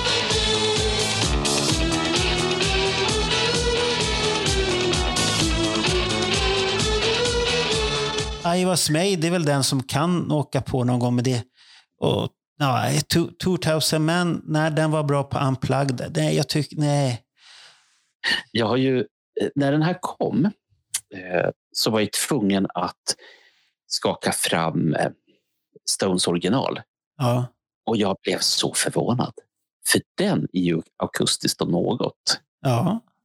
Så att Frehley har tagit den akustiska, gjort om den till en elektrisk och sen på, eh, när de har sin välkomstfest där på MTV Unplugged, då är den ju tillbaka i akustiskt Ja. format. Alltså den har ju en, en otroligt spännande väg som den går. Ja, han, han, gör, han gör ju den bra, men det, det är i alla fall fort... Jag, jag har jättesvårt för den här skivan. Det, det är ingenting som... För min del är det inte någonting som sticker ut fast de har sin största hit. Nej. Det, det, det är inte Kiss det här riktigt. Det, det är inte mitt Kiss. Det, är för mig. Och, och sen, sen är omslaget fruktansvärt fult. Sen, sen, får man, sen får man tycka vad man vill, men det är inte vackert omslag. Den säger ju ingenting. Alltså, det är usch. Usch. Men alltså, du får ihop en halv platta här utan problem. Du har 2000 Man, du har Dirty Livin', du har Charisma och du har... Ja, men när, ska jag bli, när ska jag bli sugen på de här? Ja, men, eh, om du kör på CDn så programmerar ja, du men och om jag har en, andra en låt- EP istället. Vi har ju precis pratat om massvis med mästerverk. Mm. Det, det tar tid att lyssna på dem redan. När ska jag börja lyssna på det här? Det här hamnar, som jag brukar göra i butiken, A-varor, B-varor, C-varor. Det här är en C-vara för mig. Då, den tar man fram någon gång när jag måste lyssna för någonting eller jag ska prata om någonting. Då kan jag lyssna på.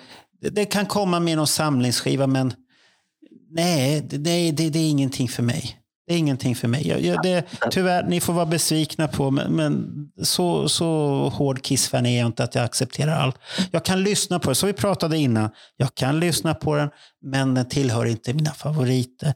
Och sen, sen har du ju den här Unmasked. That pesky photographer keeps trying to catch Kiss off guard. Ace and Peter are intercepted. Hey, kids, look this way! Nuts! Then he tracks down Paul at a restaurant. Come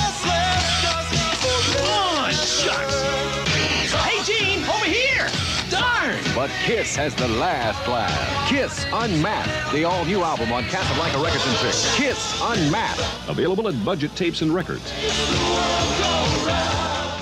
Oh, nu blir jag glad. Alltså nu blir Ja. du glad. Ja, Där, där blir jag så glad att jag tycker det är ett jättefräckt skivomslag. Sen tog det slut där. Det, det, is that you? Ja. Jag tyckte den var bra då, idag? Nej. Här Talk, talk to me, den är väl lite rolig? men i Statue, det som är intressant med den är ju att dels, det är ju en cover, Ja, det är en cover.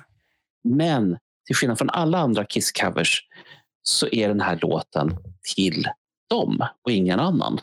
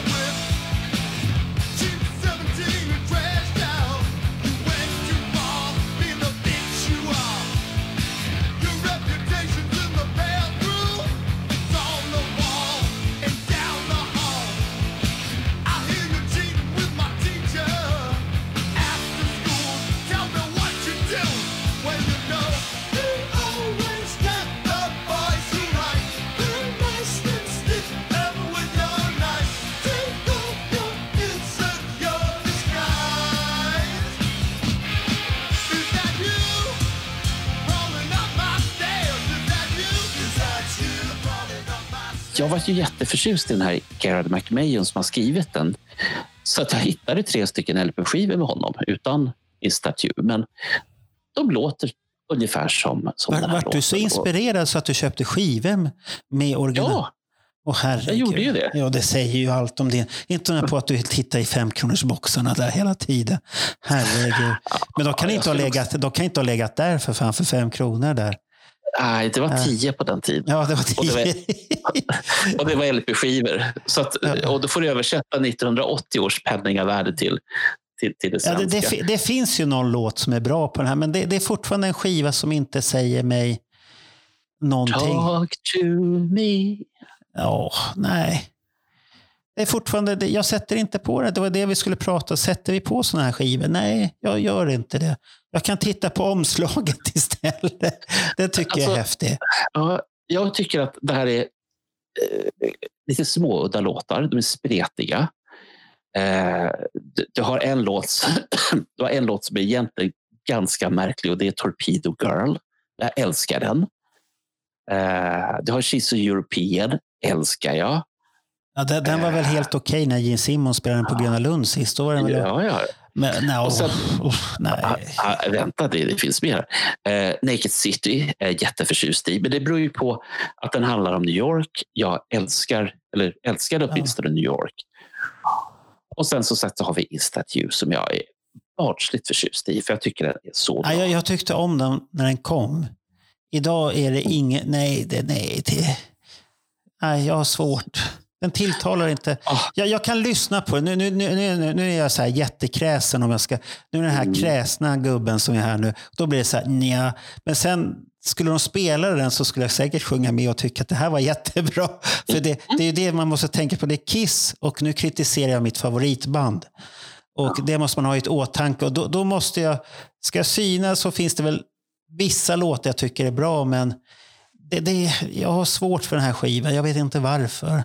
Ändå var det första året jag såg dem live. Mm. Och det var då en annan sak hände som är jättemärklig och som, jag vet inte om det har hänt igen. Eh, Kiss kommer till Europa hösten 1980. Och de har den här stora bilden ifrån Unmasked som sin eh, konsertpratare. Eh, Ja, kommer du ihåg- menar konsertaffischen. Det Ja. konstiga som hände var ju att Hans med katt inte med. Nu har man en räv istället. Ja, nu hade man Men en man- räv, ja. Men man går inte ut och berättar någonting. Så alla konsertaffischer är en katt på istället för räven Ja. som faktiskt var med. Och, de, och, de, och de är inte vackra. för det, det jag, jag vet, Vissa tycker att de är snygga, men, men jag tror att det är något sentimentalt med att man var där. eller något sånt. Jag, jag tycker Mm. inte den är... Nej, bilden är... Men den skulle ha varit i fyrfärg. Eller i ren svartvit eller något sånt där. Inte Mm. det här... Nej, usch. Så att, Ja. men, den, men spelningen, det kommer jag ihåg, för det, det kommer jag ihåg när man var där. att Det- Han spelade, högt. det var högt som fan och han spelade hårt. Mm. Det var en helt annan trummis som var bakom och, och sånt här. Och, eh, som otur var att då var jag ju inte riktigt... Kiss var inte närmast. Till och med Iron Maiden som jag hörde innan tyckte jag var mycket intressantare på ett sätt. Och ändå var det mina favoriter. Jag tittade ju på Kiss och det var spännande och sånt där, men det var inte riktigt där. Så att det, jag kom tillbaka sen med nya krafter 83. Då kom jag tillbaka med nya krafter och tittade igen. Och då, då var jag med på, då, sen dess har jag varit med på fotbollsplanen igen. Men man, men man har sina svackor ibland. Mm. Du vet, det, kom, det kommer mycket det- annan det- musik och allt det här. Och vi kommer ju prata om det, annan musik också. Men nu Bernt, nu måste vi stänga det här skåpet.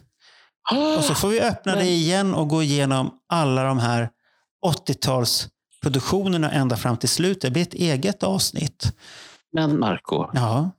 det är en skiva här som, Vilken- som jag har väntat på i Är, är det den i- i här The. Kill, The Killers? Men den tillhör 80-talspaket? Eller är det äldre du nej, tänker nej, på? Ja, ja, ja, men det fattar jag. Men Ja. det är inte det. Du vet, eh, jag följer ju med på turnén. Jag träffade Ja. bandets medlemmar ganska ofta, eller mycket under de här dagarna. Och det var en snubbe, han hette Ace Frehley. Han gick hela tiden och sa på alla presskonferenser It's gonna be heavy man. It's gonna be the hardest we ever did, done, do. Ja. Eh, och vi väntade. Och vi väntade. Och nu får de alla vänta så ska vi prata om den hårdaste skivan som någonsin har gjorts. Med Kiss. Wow. Fast den kom inte Fan. 81 som alla tror. Den kommer året efter. Ska du avslöja det? Ja, jag avslöjar det redan. Så att jag tror inte ki- de, våra Kiss-vänner vet inte. Annars kommer de leta efter den här skivan som de tror ska komma 81. Hårdaste skivan. Så det är bättre att vi säger att de behöver inte leta. Den kommer Ja, Marco. 82. Jag har letat efter den fortfarande. Jag Ja, ja det, det har- vet jag. Du, du har inte gett upp hoppet. Nej. Men, så att vi hinner inte prata mer för nu har det blivit så långt här med vårt babbel. Och, Ja. Så att vi kommer dela upp de här äh, när vi går igenom albumen. Det blir det här avsnittet, det var 70-talet. Och sen blir det nästa, alla andra Kiss-album. Till och med de nyaste, för det är inte, det är inte så många som kommer här nu.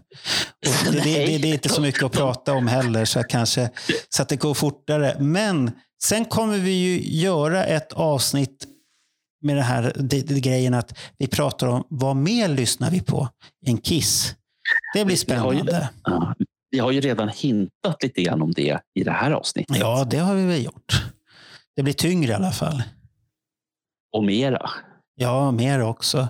Men nu låter vi alla få vila sig lite och fundera till nästa gång vi hörs här. Hur hård var den här plattan som kom 81? Mm. För den kanske är lite hårdare än vad vi tror. Det finns Kan hårda bitar. Jag tror att den är hårdare än vad vi tänker oss egentligen. Och den hade ju blivit väldigt hård om de hade haft en brunn på scen. För Då kan de kunna kasta ner en hink och den hade låtit jävligt mycket när den skramlade ner där. Så att det hade blivit en tung grej. Så att nu säger vi så, så hörs vi sen.